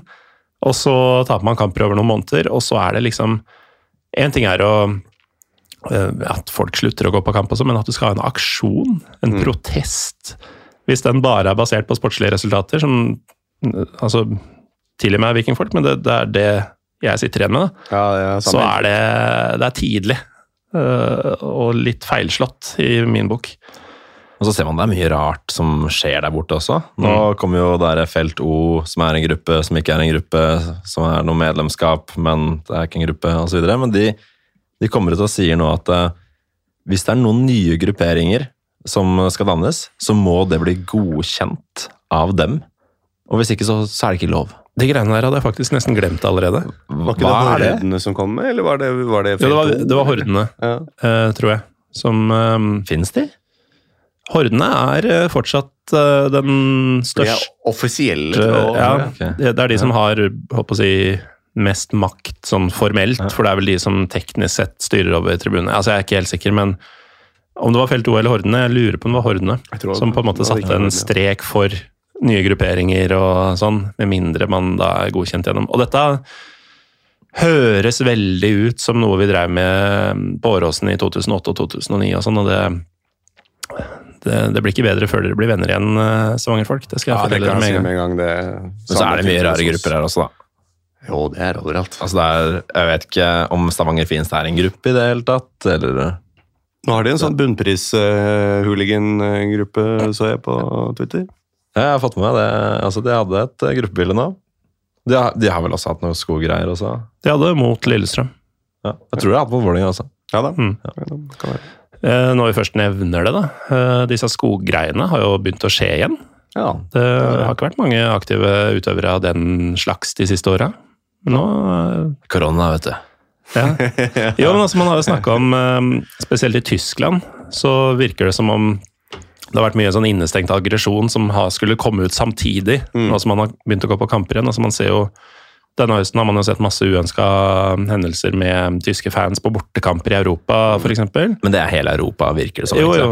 Um, men det virker også å være en del uh, Altså noe av det har kommet til Norge, da. Og hvis vi da er um, Hvis det holder seg til skogen, så skal vi være ganske fornøyd med det.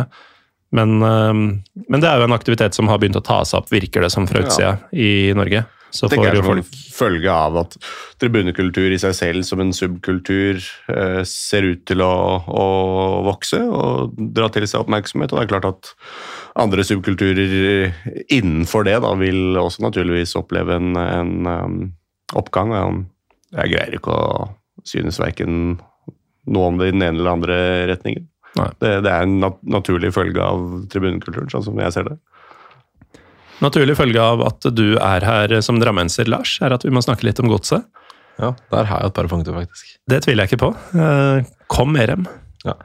Eh, Jeg kan starte med å si at jeg var jo på den eh, ene kampen du snakka om i stad, med Lillestrøm, eh, som var så mange. Mm. Kan jo bare starte med å si at eh, er det en time mellom eh, Lillestrøm og, og Drammen? Ikke så mye. Det er ikke så mye engang, det. Men det er fortsatt uh, uvanlig at uh, noen av oss, uh, Mathias, drar uh, 1000 pluss uh, til Drammen, faktisk. Og det er jo et Ja.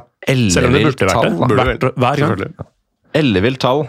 Og så er vi alltid da, i Haugesund eller ja, nå i Sogndal, i Obos-ligaen, flere.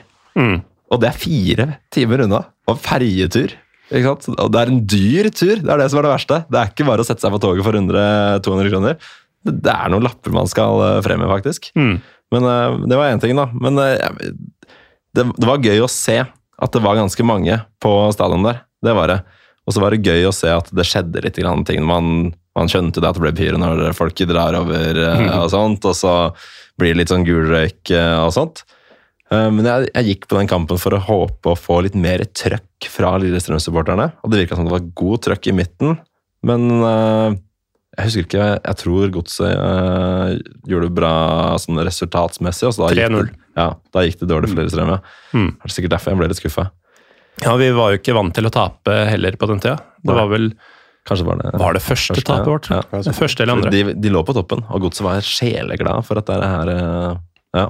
Mm. Men det jeg skulle markere, tenke på med Godset, det var det at eh, de gjør det ganske bra hvis de får med seg sidefeltet.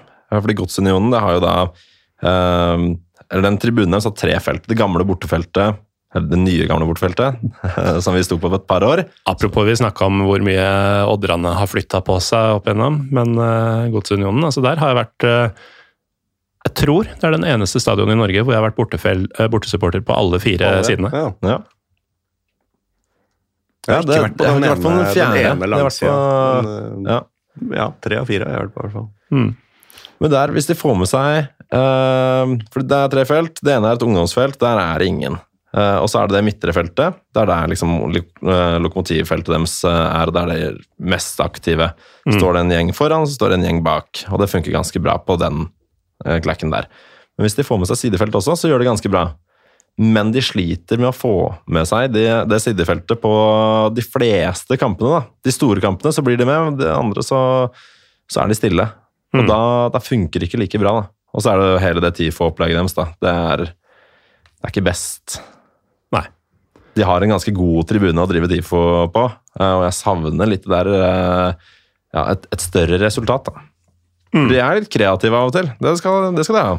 Men, eh, men et, et større resultat. Det er ikke en massiv tribune. Det går an å få til et eller annet greier der. altså. Ja. Jeg sitter veldig med en følelse av og Nå har jeg ikke fulgt det med argusøyne, skal jeg si, men et år på det jevne for, uh, for godset. Altså jeg, jeg, jeg sliter med å dra fram på en måte et høydepunkt hvor jeg virkelig tenker, tenker sånn Fy faen, der var godset bra.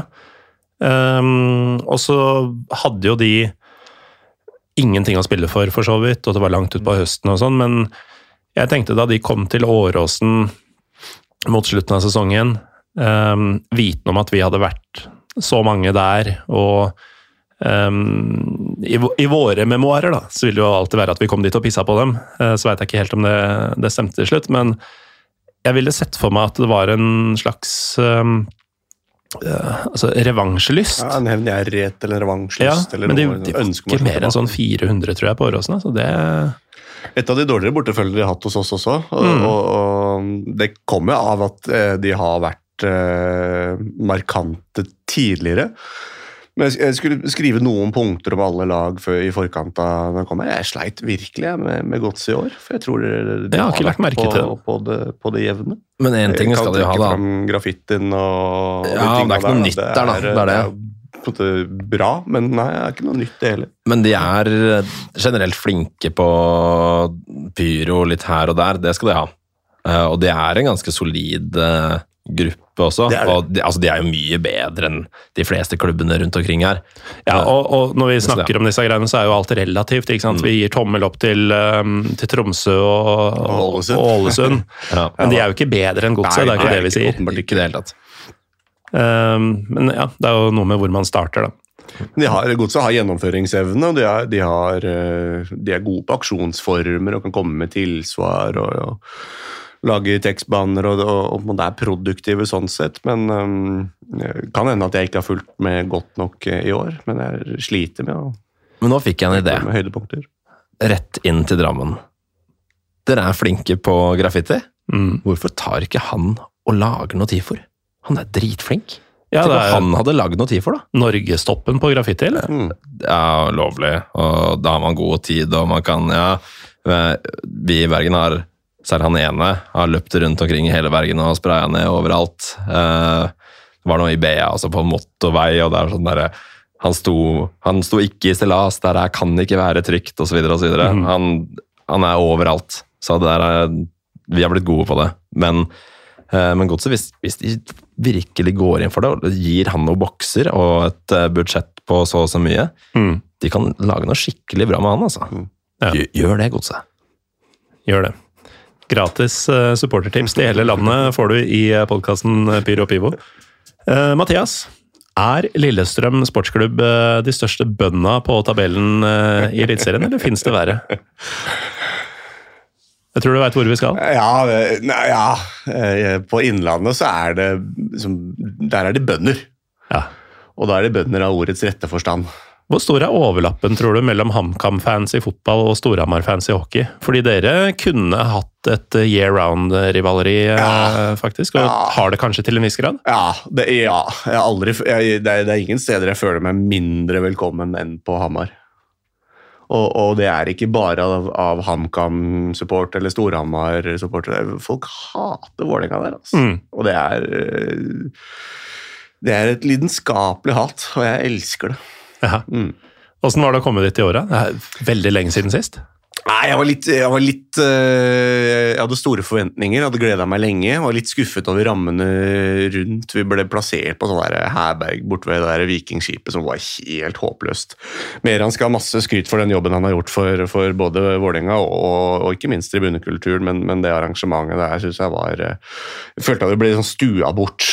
Var liksom ikke i bybildet. Følte at, følte som at arrangementet var liksom helt på utsiden av kampen. Men når vi først kom på, på Briskeby, så var det en, en jævla fin ramme. Det var, um, var fullt trøkk, og uh, de var bra på, på 16. mai også. Um, Ja, det er sant, de var jo 2000 i Oslo. ja, det var jævla mange. Det, det må ha vært ja, det nest største bortefølget. Og for dem så tror jeg det var en, en cupfinale i seg selv og, på, på det sportslige, og, og greide å stikke av gårde med poeng i begge oppgjørene. Eh, fikk da noen gestikulasjoner fra, fra sida her i, i studio med en eller annen dude som feira det overtidsmålet på, på Briskeby som var Nei, det var på, på Valle, det. Eh, sko- eh, 1-0-skåringa Det var helt nydelig å se på. tok, tok jo helt av. Da, da ser du hvor mye det betyr for de, for de bøndene fra Hamar. Så et fint oppgjør å få tilbake igjen. Jeg likte det. Jeg er veldig glad for altså- at det holdt seg. Ja. Så Ja, at jeg får Det hadde vært synd å gå glipp av dem. Ja, jeg har jo listen, jeg har den på lista fra Mm. 2008, da, da jeg var ung. Men uh, allikevel, det eh, jeg syns det er kjekt å ha dem der oppe. Ja. Men nå er, river gamle tribunen, er det slik? Ja, altså når det skjer, eh, gudene veit. Det er litt sånn uh Skulle det, skje i løpet av sesongen. Det skulle jo egentlig skje men, før eh, sesongen, og det, vi måtte jo krangle ganske mye for å få til eh, Altså tilrettelegge for at vi kunne være de 2000. eh, og den sto i fare en stund før seriestart, fordi de trodde at det kanskje skulle rives allerede før. Og så ble det utsatt litt, og da kunne vi komme og ha den ytterste delen. Og de måtte jo flytte på sine egne sesongkortholdere for å, for å sette oss eh, på den ja, hva blir det, tredjedelen av den gamle hovedtribunen. Um, men den står nå der fortsatt, da. Hvorfor river ikke det her klubbhus eller Kiev-butikken eller hva det er bak der? Ja, men altså, det jeg syns er Jeg syns jo Briskeby er en av de kuleste stadionene i, eh, i Norge. Og mye av grunnen to tredjedeler av den er jævla kul. Ja, nei, men altså Mye av grunnen til at jeg liker den så godt, er at det er så jævlig Jeg har sagt det før og har jo nesten copyright på dette, men det er jo liksom Du har en langside som er Olsenbanden, Mm. og så har du en som er Futurama. Det, er, det er jo en ufo og, og en balje eh, som skal utgjøre samme stadion. Eh, God, så, referanse. så det å la den For den, ja, vi var jo på den. Den er jo fullt brukbar, den gamle. Selv om den ikke Ja, ja. står i stil med resten. Den kunne bare stått som en sånn hyllest til eh, bedre tider, holdt jeg på å si. Og så kunne heller bygd en eh, større kortside der klubbehuset står, som du sier. Mm. Eh, og så må jo banden på et eller annet tidspunkt bestemme seg for hvor de skal stå, da. Men er det banden nå, eller er det det nye halvveis ultras uh, TIFO-opplegget deres? Ja, gudene veit. Supporterklubben er vel fortsatt Briskeby-banden. Men eh, hvorvidt det er de som kjører eh, showet, det, det veit jeg rett og slett ikke. Det virker som at det er, eh, at det er noe sånn TIFO HamKam-opplegg. som, som, som gjør det. Jeg, jeg har ikke sett noe Nei, det vet- vet Briske jeg rett og slett Vann-opplegg på lenge. Nei. Og heller ikke oversikt over hvor, på en måte, hvor den hockeyen begynner, og hvor fotball begynner, og hvor overlappende de grei, greiene er. Men, men Hamar er en idrettsby. Det er det. Ja, altså jeg, jeg er også veldig glad, i likhet med deg, Lars, eh, for at de holdt seg. Fordi for meg. Eliteserien, i hvert fall med 16 lag HamKam skal jo være et av dem. Ja, altså Når Kristiansund og Jerv har vært der, liksom, da, Ja. da syns jeg at HamKam kan få lov til å bli. Ja, i hvert fall sånn Popular vote. I, i, i et tiårsperspektiv så skal HamKam være der i seks-sju av dem, i hvert fall. Tenker jeg.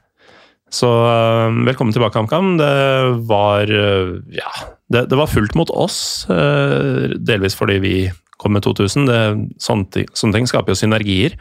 Um, dette er noe jeg snakker mye med min venn Trym Hogner om eh, til hverdags, men dette med synergier. Det er mange i Lillestrøm som f.eks. koser seg når Vålinga har lave tilskuertall. Eh, og de har jo ikke skjønt greia. Har Vålinga lave tilskuertall, så har vi lave tilskuertall. Og Godset har lave tilskuertall, og Rosenborg altså, Det er ikke sånn at eh, den ene klubben lever i en egen boble, selv om det innimellom så skjer det, sånn som med dere i år, eh, Lars. Men eh, i det hele tatt så er jo uh, høye tilskuertall hos andre klubber bra også for din klubb. Mm. Det må folk skjønne. Og det var den matchen, den serieåpninga vi hadde på Briskeby, hadde helt sikkert kommet mye folk, eh, selv om det hadde vært Kristiansund, bare fordi HamKam var tilbake. Men den kampen var fylt i randen. Det var et svartebørsmarked, liksom, på HamKam Lillestrøm i Eliteserien. Det er litt sånn interessant eh, med det svartebørsmarkedet. Nå begynner jo norske klubber, noen få, da, å, å få det med bortesupportergreiene. Eh, I Tyskland så er det alltid der Zweitmacht og osv. Der hvor du kan selge Mm. billetten din og sånt. Medlemmer først. Ja. Og, Og nå begynner det å komme i Bergen, da. Det at uh, man faktisk trenger de greiene der. Mm. At det, ok, nå har jeg kjøpt to bortebilletter, men jeg trenger bare én. Oi, det er ti stykker som står uh, i Mm. venteliste der ute. Da selger jeg en til dem. Det er litt gøy at det begynner å skje i norsk fotball igjen. da. mm. Ja, og ingenting er finere enn billettangst. Og det, det har jo flere av oss faktisk opplevd på noen matcher i år, og det er jo helt nydelig. Det, det er ikke mange år siden det var helt uhørt å tenke at det skulle være rift om billettene til f.eks. et derby mellom oss, eh, Mathias, eller et derby mellom dere og Åsane, Lars. Ja, Det trengte ikke å være derby engang. Det var sånn KFM. Alle måtte sitte klar hele tida. Mm. Eller Raufoss. Ja. Satt i, eh, i pausa på jobb og var klar for å kjøpe billett. Alle i hele gruppa Mm. klar med en gang. For det ble utsolgt med en gang. Mm. Noen som ikke har solgt ut noe særlig eh, noensinne, er eh, Sandefjord. Og jeg veit at um, det er et par Sandefjord-folk som hører på, og som er drittlei av å høre om at det er mangel på kultur, og at de, de er få, og de er ræva og sånn. Alt dette stemmer jo for så vidt, men det er, det er jo tendenser der også. Altså, Jeg vet ikke om dere fikk med dere matchene mot Kongsvinger nå, men det var jo pyringer begge to. Ja. Og jeg veit jo at en ting som de har slitt med i Sandefjord, som også bortefans har merka, er jo at eh, klubben har jo ikke spilt på lag i det hele tatt. Lokale myndigheter har ikke spilt på lag i det hele tatt. Det er liksom um, Ja, eh, fra såkalte kjenninger av politiet, da, så har jeg hørt at uh, Vestfoldsnuten er blant de verre i, i landet, og det er jo litt sånn eh, den følelsen man har fått som, eh, som bortefan i, i Sandefjord eh, ofte. At det er veldig lav toleranse for, eh, for litt sånn Var det der ordensmakten sto og filma den ene Stemmer. røykbomben som sto for seg selv på bakken der? Mm. Men jeg veit jo at de har vært ordentlig kjipe mot sine egne også.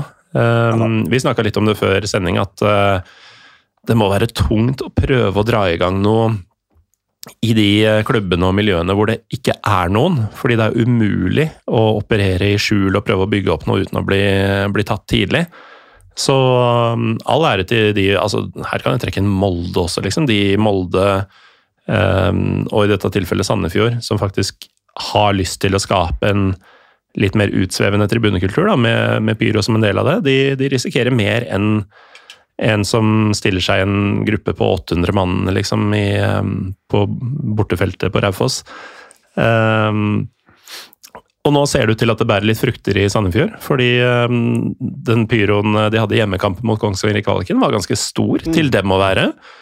Og det hevdes jo at det er delvis uh, Altså at det er bedre tone med klubben nå.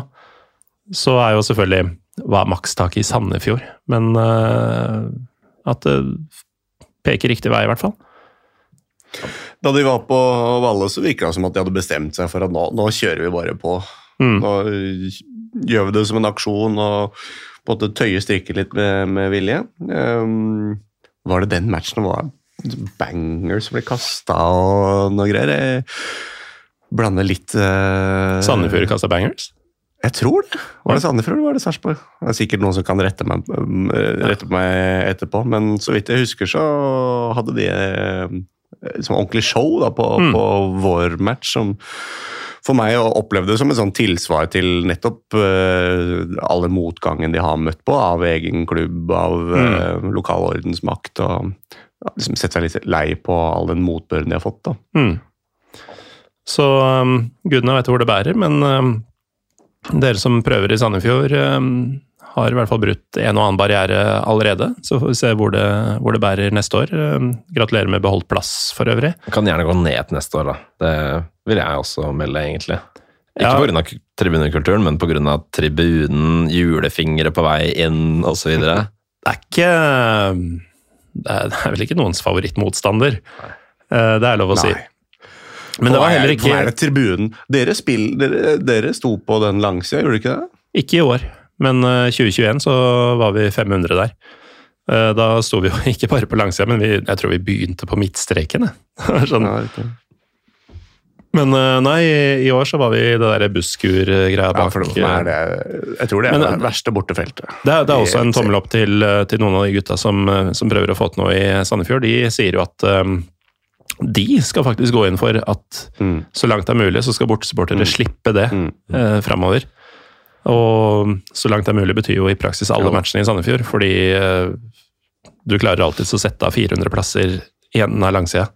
Der har kanskje Rosenborg noe å lære, da. Mm. Kanskje man ikke skal plassere bortesupporterne på det verste stedet på hele stadion, der hvor det ikke er mulig å få noe akustikk i det hele tatt, bortgjemt. Ja, helt forferdelig sted, egentlig. Mm. Det, vi hadde en episode om å være bortesupporter for eh, noen år tilbake, men kanskje ha en eh, revamp på den mm. neste sesong. Um, min desiderte favor... eh, altså, ikke favorittmotstander, eh, det motsatte. Eh, det laget jeg har likt minst å møte alle år de har vært oppe, er nå borte. Kristiansund ballklubb. Oh. Kommer verken til å savne laget, byen, eh, dialekta, trynet til Christian Michelsen eller tribunekulturen. Skal vi skåle for den, eller? Ja. Åpne en ny en, jeg. Ja. Da blir det faktisk Østblokka-pils Østblokka-pils på Brann-supporteren fra Drammen her. Skal vi se hvordan den smaker, da. KBK nedrykket? Må du brekke deg bare av prinsipp. Den var faktisk ganske god. Oi. Ja. Nå skal det sies at Lars drakk åtte øl før han kom eh, hit i dag. Eh, små 0-1. Åtte øl er eh, åtte øl. Ja. Eh, Så du er på, du er på 11. nå, da, så det er ikke rart at det smaker ok. Tirsdag kveld. Jeg er lærer, så jeg kommer ikke fyllesyk på jobb. Det blir en jævlig artig første time i morgen.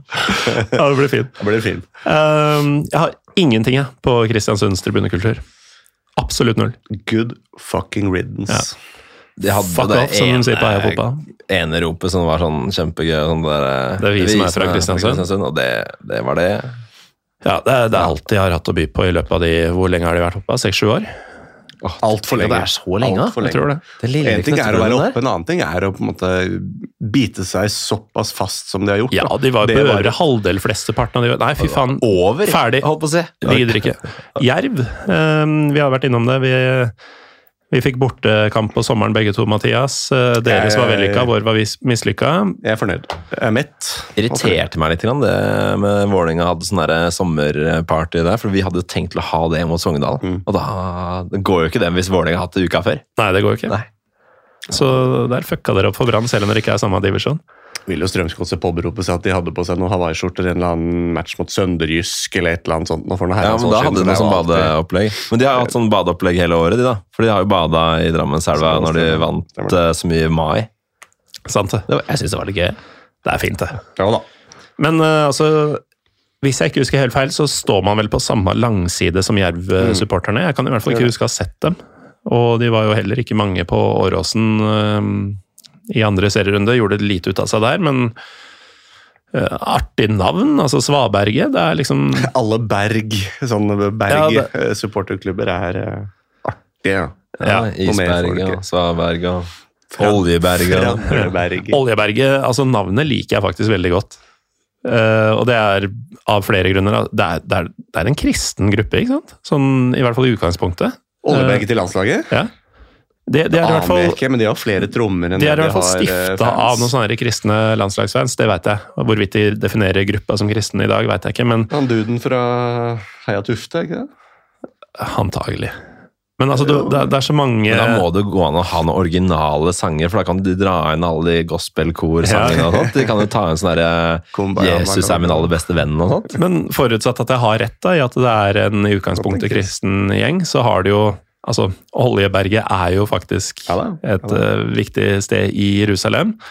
Um, du har ja, Jeg trenger ikke å forklare dere dette, her, men du har jo olja til Norge, og du har kulturen ved at vi i det hele tatt har mange berg, og Mm. har kulturen for å kalle supporterklubber for det. Så det syns jeg faktisk er et bra navn, uironisk. Men uh, nok om det. Eh, kan ikke si jeg har all verden å melde på Svaberget heller. Jeg, jeg fikk akkurat det jeg trengte fra, fra Jerv. De leverte en um, kvalikkamp til som uh, danka ut uh, andre tidligere kvalikkamper. Som, som Jeg hadde hatt har dratt eh, enorm, enorm glede av. Og så fikk vi lov til å erobre Sørlandet midt i, i fellesferien. Um, så jeg er drithappy. Og så fikk de lov til å rykke ned eh, samme året. Det, det Etter å ha slått. LSK i farta. Det likte du sikkert I tillegg. I tillegg. Ja, jeg er kjempefornøyd. Ja. Og det var det. Det var eh, 16 lag pluss eh, litt om Start og litt om Moss og hva det nå er. Men jeg har jo litt om Fredrikstad. Du har det? Det må jo, det må jo nevnes, det. Ja, og, Fredrikstad er jo en gammel storklubb som bør nevnes. Og her er det jo flere ting som bør nevnes, fordi um, det, de driver jo med hockey der også. Riktignok ikke under navnet FFK, men eh, det har vært en hendelse ganske nylig der. Men kan ikke du ta litt om FFK um, eh, først, uh, Lars? Ja. Og så holder dere det gående litt over til hockeyen. Uh, og den nylige hendelsen. Jeg regner med at du veit hva jeg sikter til, Ja da, Mathias? ja da. ja, Nydelig, det er nydelig. også. Har noe på det. Det fint. Kos deg. Lykke til. Eh, nei, det jeg tenkte med Fredrikstad, er jo det at uh, de har hatt en ultrasgruppe, Supras, som har vært uh, ja, det er oppgående ganske lenge. Eh, men nå har de hatt en boikott eh, nesten hele høsten. På grunn av intern trøbbel med han luringen som, eh, som hadde det flagget som Vålerenga stjal. Ja. Eh, for han har hengt opp i hele byen, og rundt omkring har han hengt opp sånne der Supras mm. og så har Supras fått skylda for det, tydeligvis, og så har det vært sånn der at klistremerker er ikke lov, stickers, ja. og så har Supras følt seg dårlig behandla av klubben, fordi de eh, som er ja, moralske sånn sett, i forhold til et, en nazist eh, ja, De tenker at det er ikke så lurt, da. At klubben støtter nazisten istedenfor dem. Han der nazisten hadde prøvd å stjele banneret deres på tribunen. Eh, så, så det er noen intriger der, da. Så Supras har hatt uh, boikott, og den nye gruppa deres, YB, uh, Yngrebrigaden mm. eller hva er det Young før- Brother Boys. Young Boys før, men nå Yngrebrigaden, for fordi de tenkte at Young Boys var ikke så lurt allikevel. Uh, De boikotta en stund, men de kom tilbake mot oss. Supras Ja, okay. hadde ikke noe banner, men uh, Yngrebrigaden var der. og De hadde noe sånn 70 enheter eh, med pyro eller et eller annet sånt. Det var ganske bra, faktisk. Og så hadde de, ja, de har holdt eh, koken her og der, men de har hatt en stor sånn boikott. På grunn av han ene nassen. På grunn av han ene. Hvor mye skal én person få lov til å diktere Og det at klubben ikke fikser opp de greiene der. At det er, ok, sorry du, nazi. Du kan få lov til å gå ut, og så kan vi andre kose oss, da. Det hadde vært ganske ålreit, sikkert.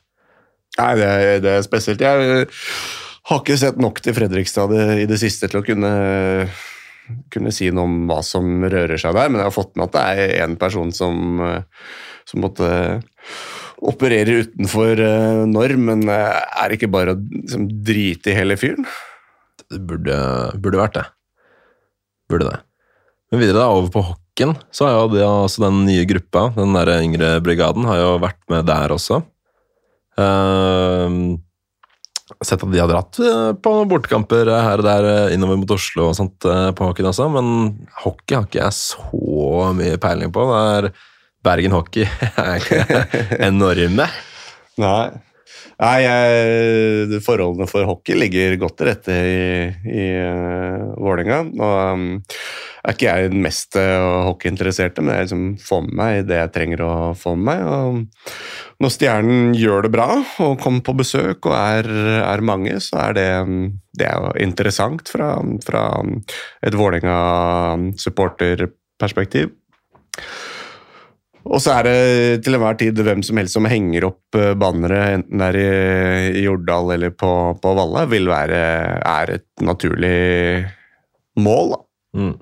Det er ingen bannere som henger fritt uh, noen steder, ua- uavhengig av gruppering. Det er klart at uh, noen, noen bannere er gjevere enn andre å ta, og når du greier da når du presterer det kunstverket å ta med et norsk flagg, besudla med noe sånn derre Hva er det sånn Fredrikstad Loyal? Og så er det noe Og Nord-Irland og Rangers. Slenge på en uh, Ja. sånn Red Ulster hand Mm. og en Rangers som bare er største søl av eh,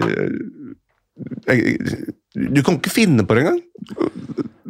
Tapetsert på et norsk flagg. Men det er også en greie Jeg syns det er rart, det. Det er jo flaggskjending. Hva Ja, er greia med det, egentlig? Sånn norske flagg som blir brukt Det er mange klubber som driver med det. Det er jo flaggskjending. Ja, ja. Er det noe vi si, aktive supportere og ultras driver med, så er det jo Vi liker flagg, det er kjempegøy. Mm. Men skal man drive og skjende det? Nei, det er, det er litt pussig det der. Og um, det er jo Mange ser jo til England, da, og dette er jo åpenbart. altså eh, Ikke England, men Storbritannia, i form av Nord-Irland og Ulster og um, Rangers og Loyal. eh, Men det, peker jo mot Buckingham, alt sammen. Um, disse folka ser jo mot britisk tribunekultur, og du ser jo under mesterskap Nå er det jo eh, halvannet år siden sist det var et uh, internasjonalt mesterskap uh, verdt å følge med på, men uh, engelskmennene de er jo sjefene på flaggskjending. Altså, hver gang England spiller, så er det jo massevis av flagg med sånne Kidderminster, eh, og hvor de kommer fra alle sammen. Hartlepool og sånn. Um, men apropos akkurat dette flagget, som Vålinga Vålerenga bøffa fra, fra Stjernen, uh, så er det jo hevda, og visstnok også bekrefta, at uh, han som um, står bak akkurat denne sendinga, han uh, har også mm, ganske høyreekstreme tatoveringer. Noen vil til og med si nazistiske. Ja, det er, vi har vært innom uh, Innom tanken her, uh, og ja Han er ikke helt oppegående på de Nei, Områdene det der, er, um, det er helt tydelig da, at, uh, at det ikke Det er, det er, det er ikke en, en teori lenger. Nei. Altså, Mannen er helt ute å kjøre. Mm. Så, og bannerknabbing er jo, det har vi snakka om på podkasten flere ganger også, det syns jeg er en kul greie. Eh, Dette med skogfighten og sånn som vi var innom i stad, det er det helt lov å ha delte meninger om. Jeg er eh, ikke noe Jeg, jeg ser ikke liksom sjarmen og sånn i det, men bannerknabbing, det setter jeg stor pris på. Og akkurat denne knabbinga her, den var så velfortjent. det, det, skal si, det var en liten hendelse i Bergen også. Han, eh, han hang det opp på fotballpuben. Eh, Samme fyren? Ja, samme fyren. Mm. Men vi, vi visste jo ikke at det er her Altså, vi så et print-banner, vi, ikke sant? Mm. Uh, så vi visste jo ikke at dette her var uh, et sånt type flagg. Så det skjedde jo ikke så mye sånn sett. Mm. Men hadde man visst det på forhånd, så kunne jo det ha ryket ganske fort da, i, Bergen. Så det var eh, uansett et spørsmål om tid, da, men det tar jo ikke fra gutta dine, Mathias, at det var dere som, som fikk tak i det til slutt. Ja, er En, noen en av eh, flere positive hendelser på Vålerenga hockey eh, når det gjelder eh, Ja, der sånn enkeltindivider som er løkskaller, eh, både på og utafor Twitter, eh, ja. det siste året cirka.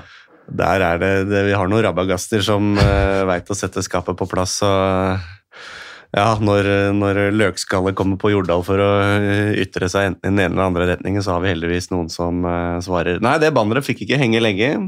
Eh, det var noe som fyrte av bluss inne på Jordal. Det er jo blitt gjort tidligere. og Jeg syns det er litt artig når man blusser inni en, inn en hall. Det kan være artig, det. Men brannalarmen går, og så velger man å forlate da de bannerne som henger der, helt, uh, Ja. helt aleine. Da er det klart at da napper man jo selvfølgelig det ned. Um, til uh, stor glede fra, fra andre grupperinger, men vi ser jo også hvordan eh, folk fra Fredrikstad har reagert og, og på en måte hyller det. da, så Ja, Sjukt hvor, hvor eh, Nå er jeg jævlig dårlig på ordtak, men sånn torne i øyet eller et eller annet, er ikke det noe det er, det er noe sant. Et eller annet sånt noe. Men det med bluss ene nassen får lov til å være. Det med bluss inne på Inne i haller, eller blinker eller pyro generelt Jeg så at det var noen fra Vålerenga som også skrev det, men Ja. Ja, ja. Nei, vi, vi har blussa inne i haller eh, mange ganger tidligere, vi. Jeg syns det er litt artig, jeg, da, men eh, det får så være. Ja, bare fint det. Men uh, apropos Fredrikstad og situasjonen der, da, så um, har jo lyst til å, å få noen derfra i, eh, i prat. Det kan være spennende.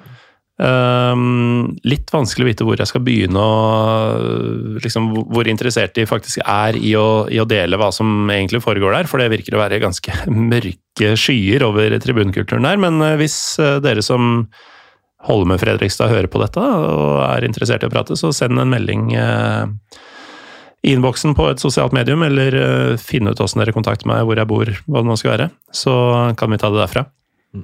Um, for dere vil høre om hva som skjer i Fredrikstad, ikke Ja, det har vært interessant. Gøy.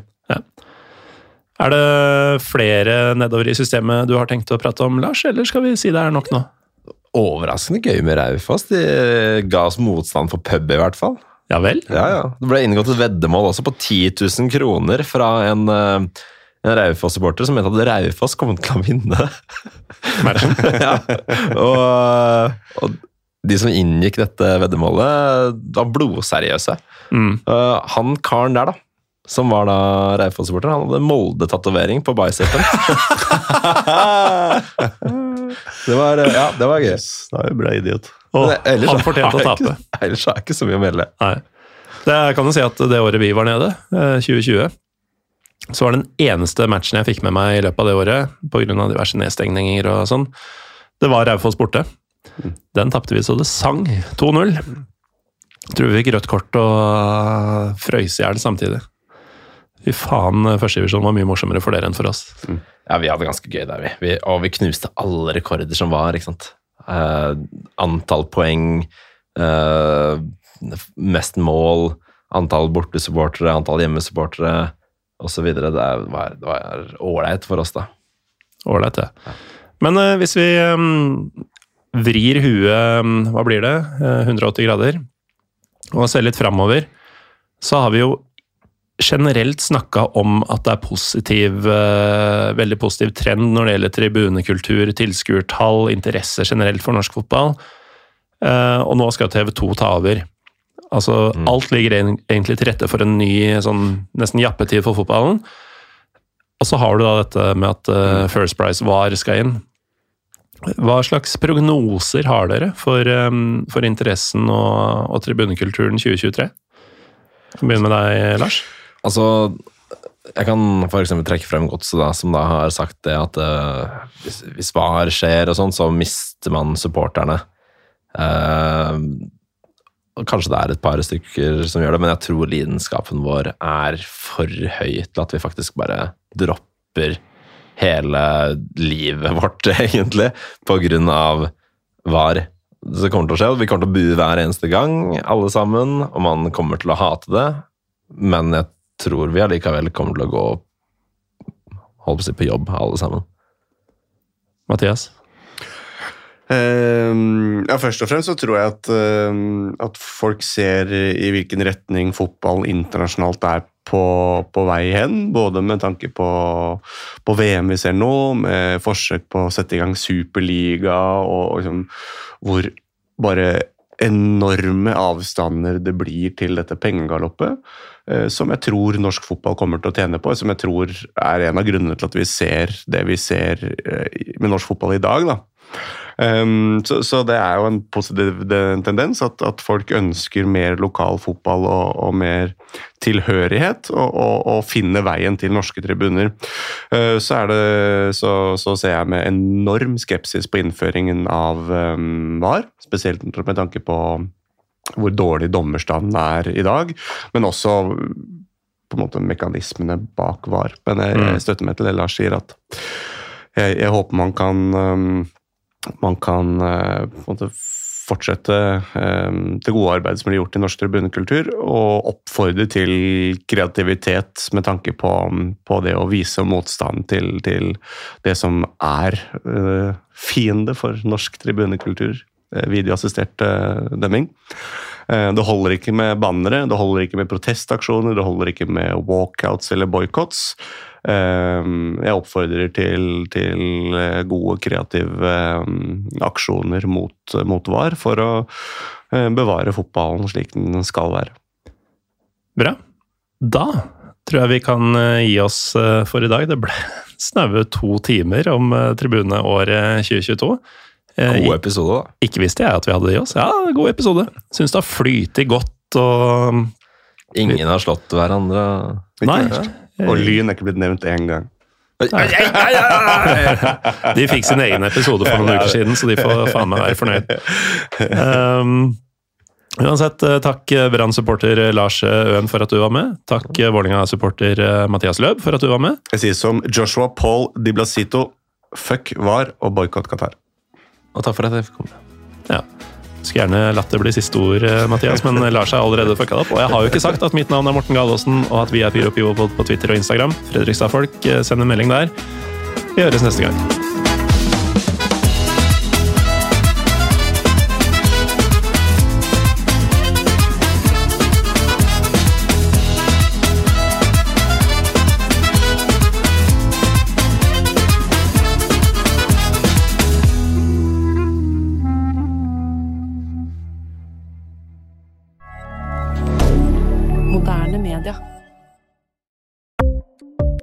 Ukens annonsør er HelloFresh.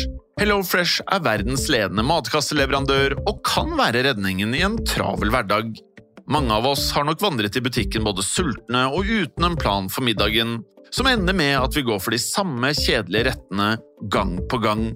Middag burde være dagens høydepunkt. Som HelloFresh kan du nå velge mellom 25 ulike retter hver eneste uke, eller få HelloFresh til å sette sammen menyen for deg. Dette gir deg muligheten til å prøve nye og spennende retter alene eller sammen med familien. Du velger antall porsjoner og får alt levert på døren på et tidspunkt som passer for deg. Oppskriftene er enkle, og maten er lett å lage både for store og for små. Ved å få alt levert hjem får du også mer tid til å dele matgleden med familie og venner. Kanskje det frister med asiatiske tacos eller greskinspirert kylling? Da kan jeg anbefale deg om å gå inn på hellofresh.no. Her kan du bruke koden FOTBALL og få opptil 1779 kroner i rabatt på de første fem matkastene hvis du ikke har prøvd HelloFresh tidligere. Du kan også bruke rabatten hvis du har vært kunde og stoppet abonnementet ditt for tolv måneder siden eller lengre. Gå inn på hellofresh.no og bruk koden FOTBALL. Har du et enkeltpersonforetak eller en liten bedrift? Da er du sikkert lei av å høre meg snakke om hvor enkelt det er med kvitteringer og bilag i fiken, så vi eh, gir oss her, vi. Fordi vi liker enkelt. Fiken superenkelt regnskap.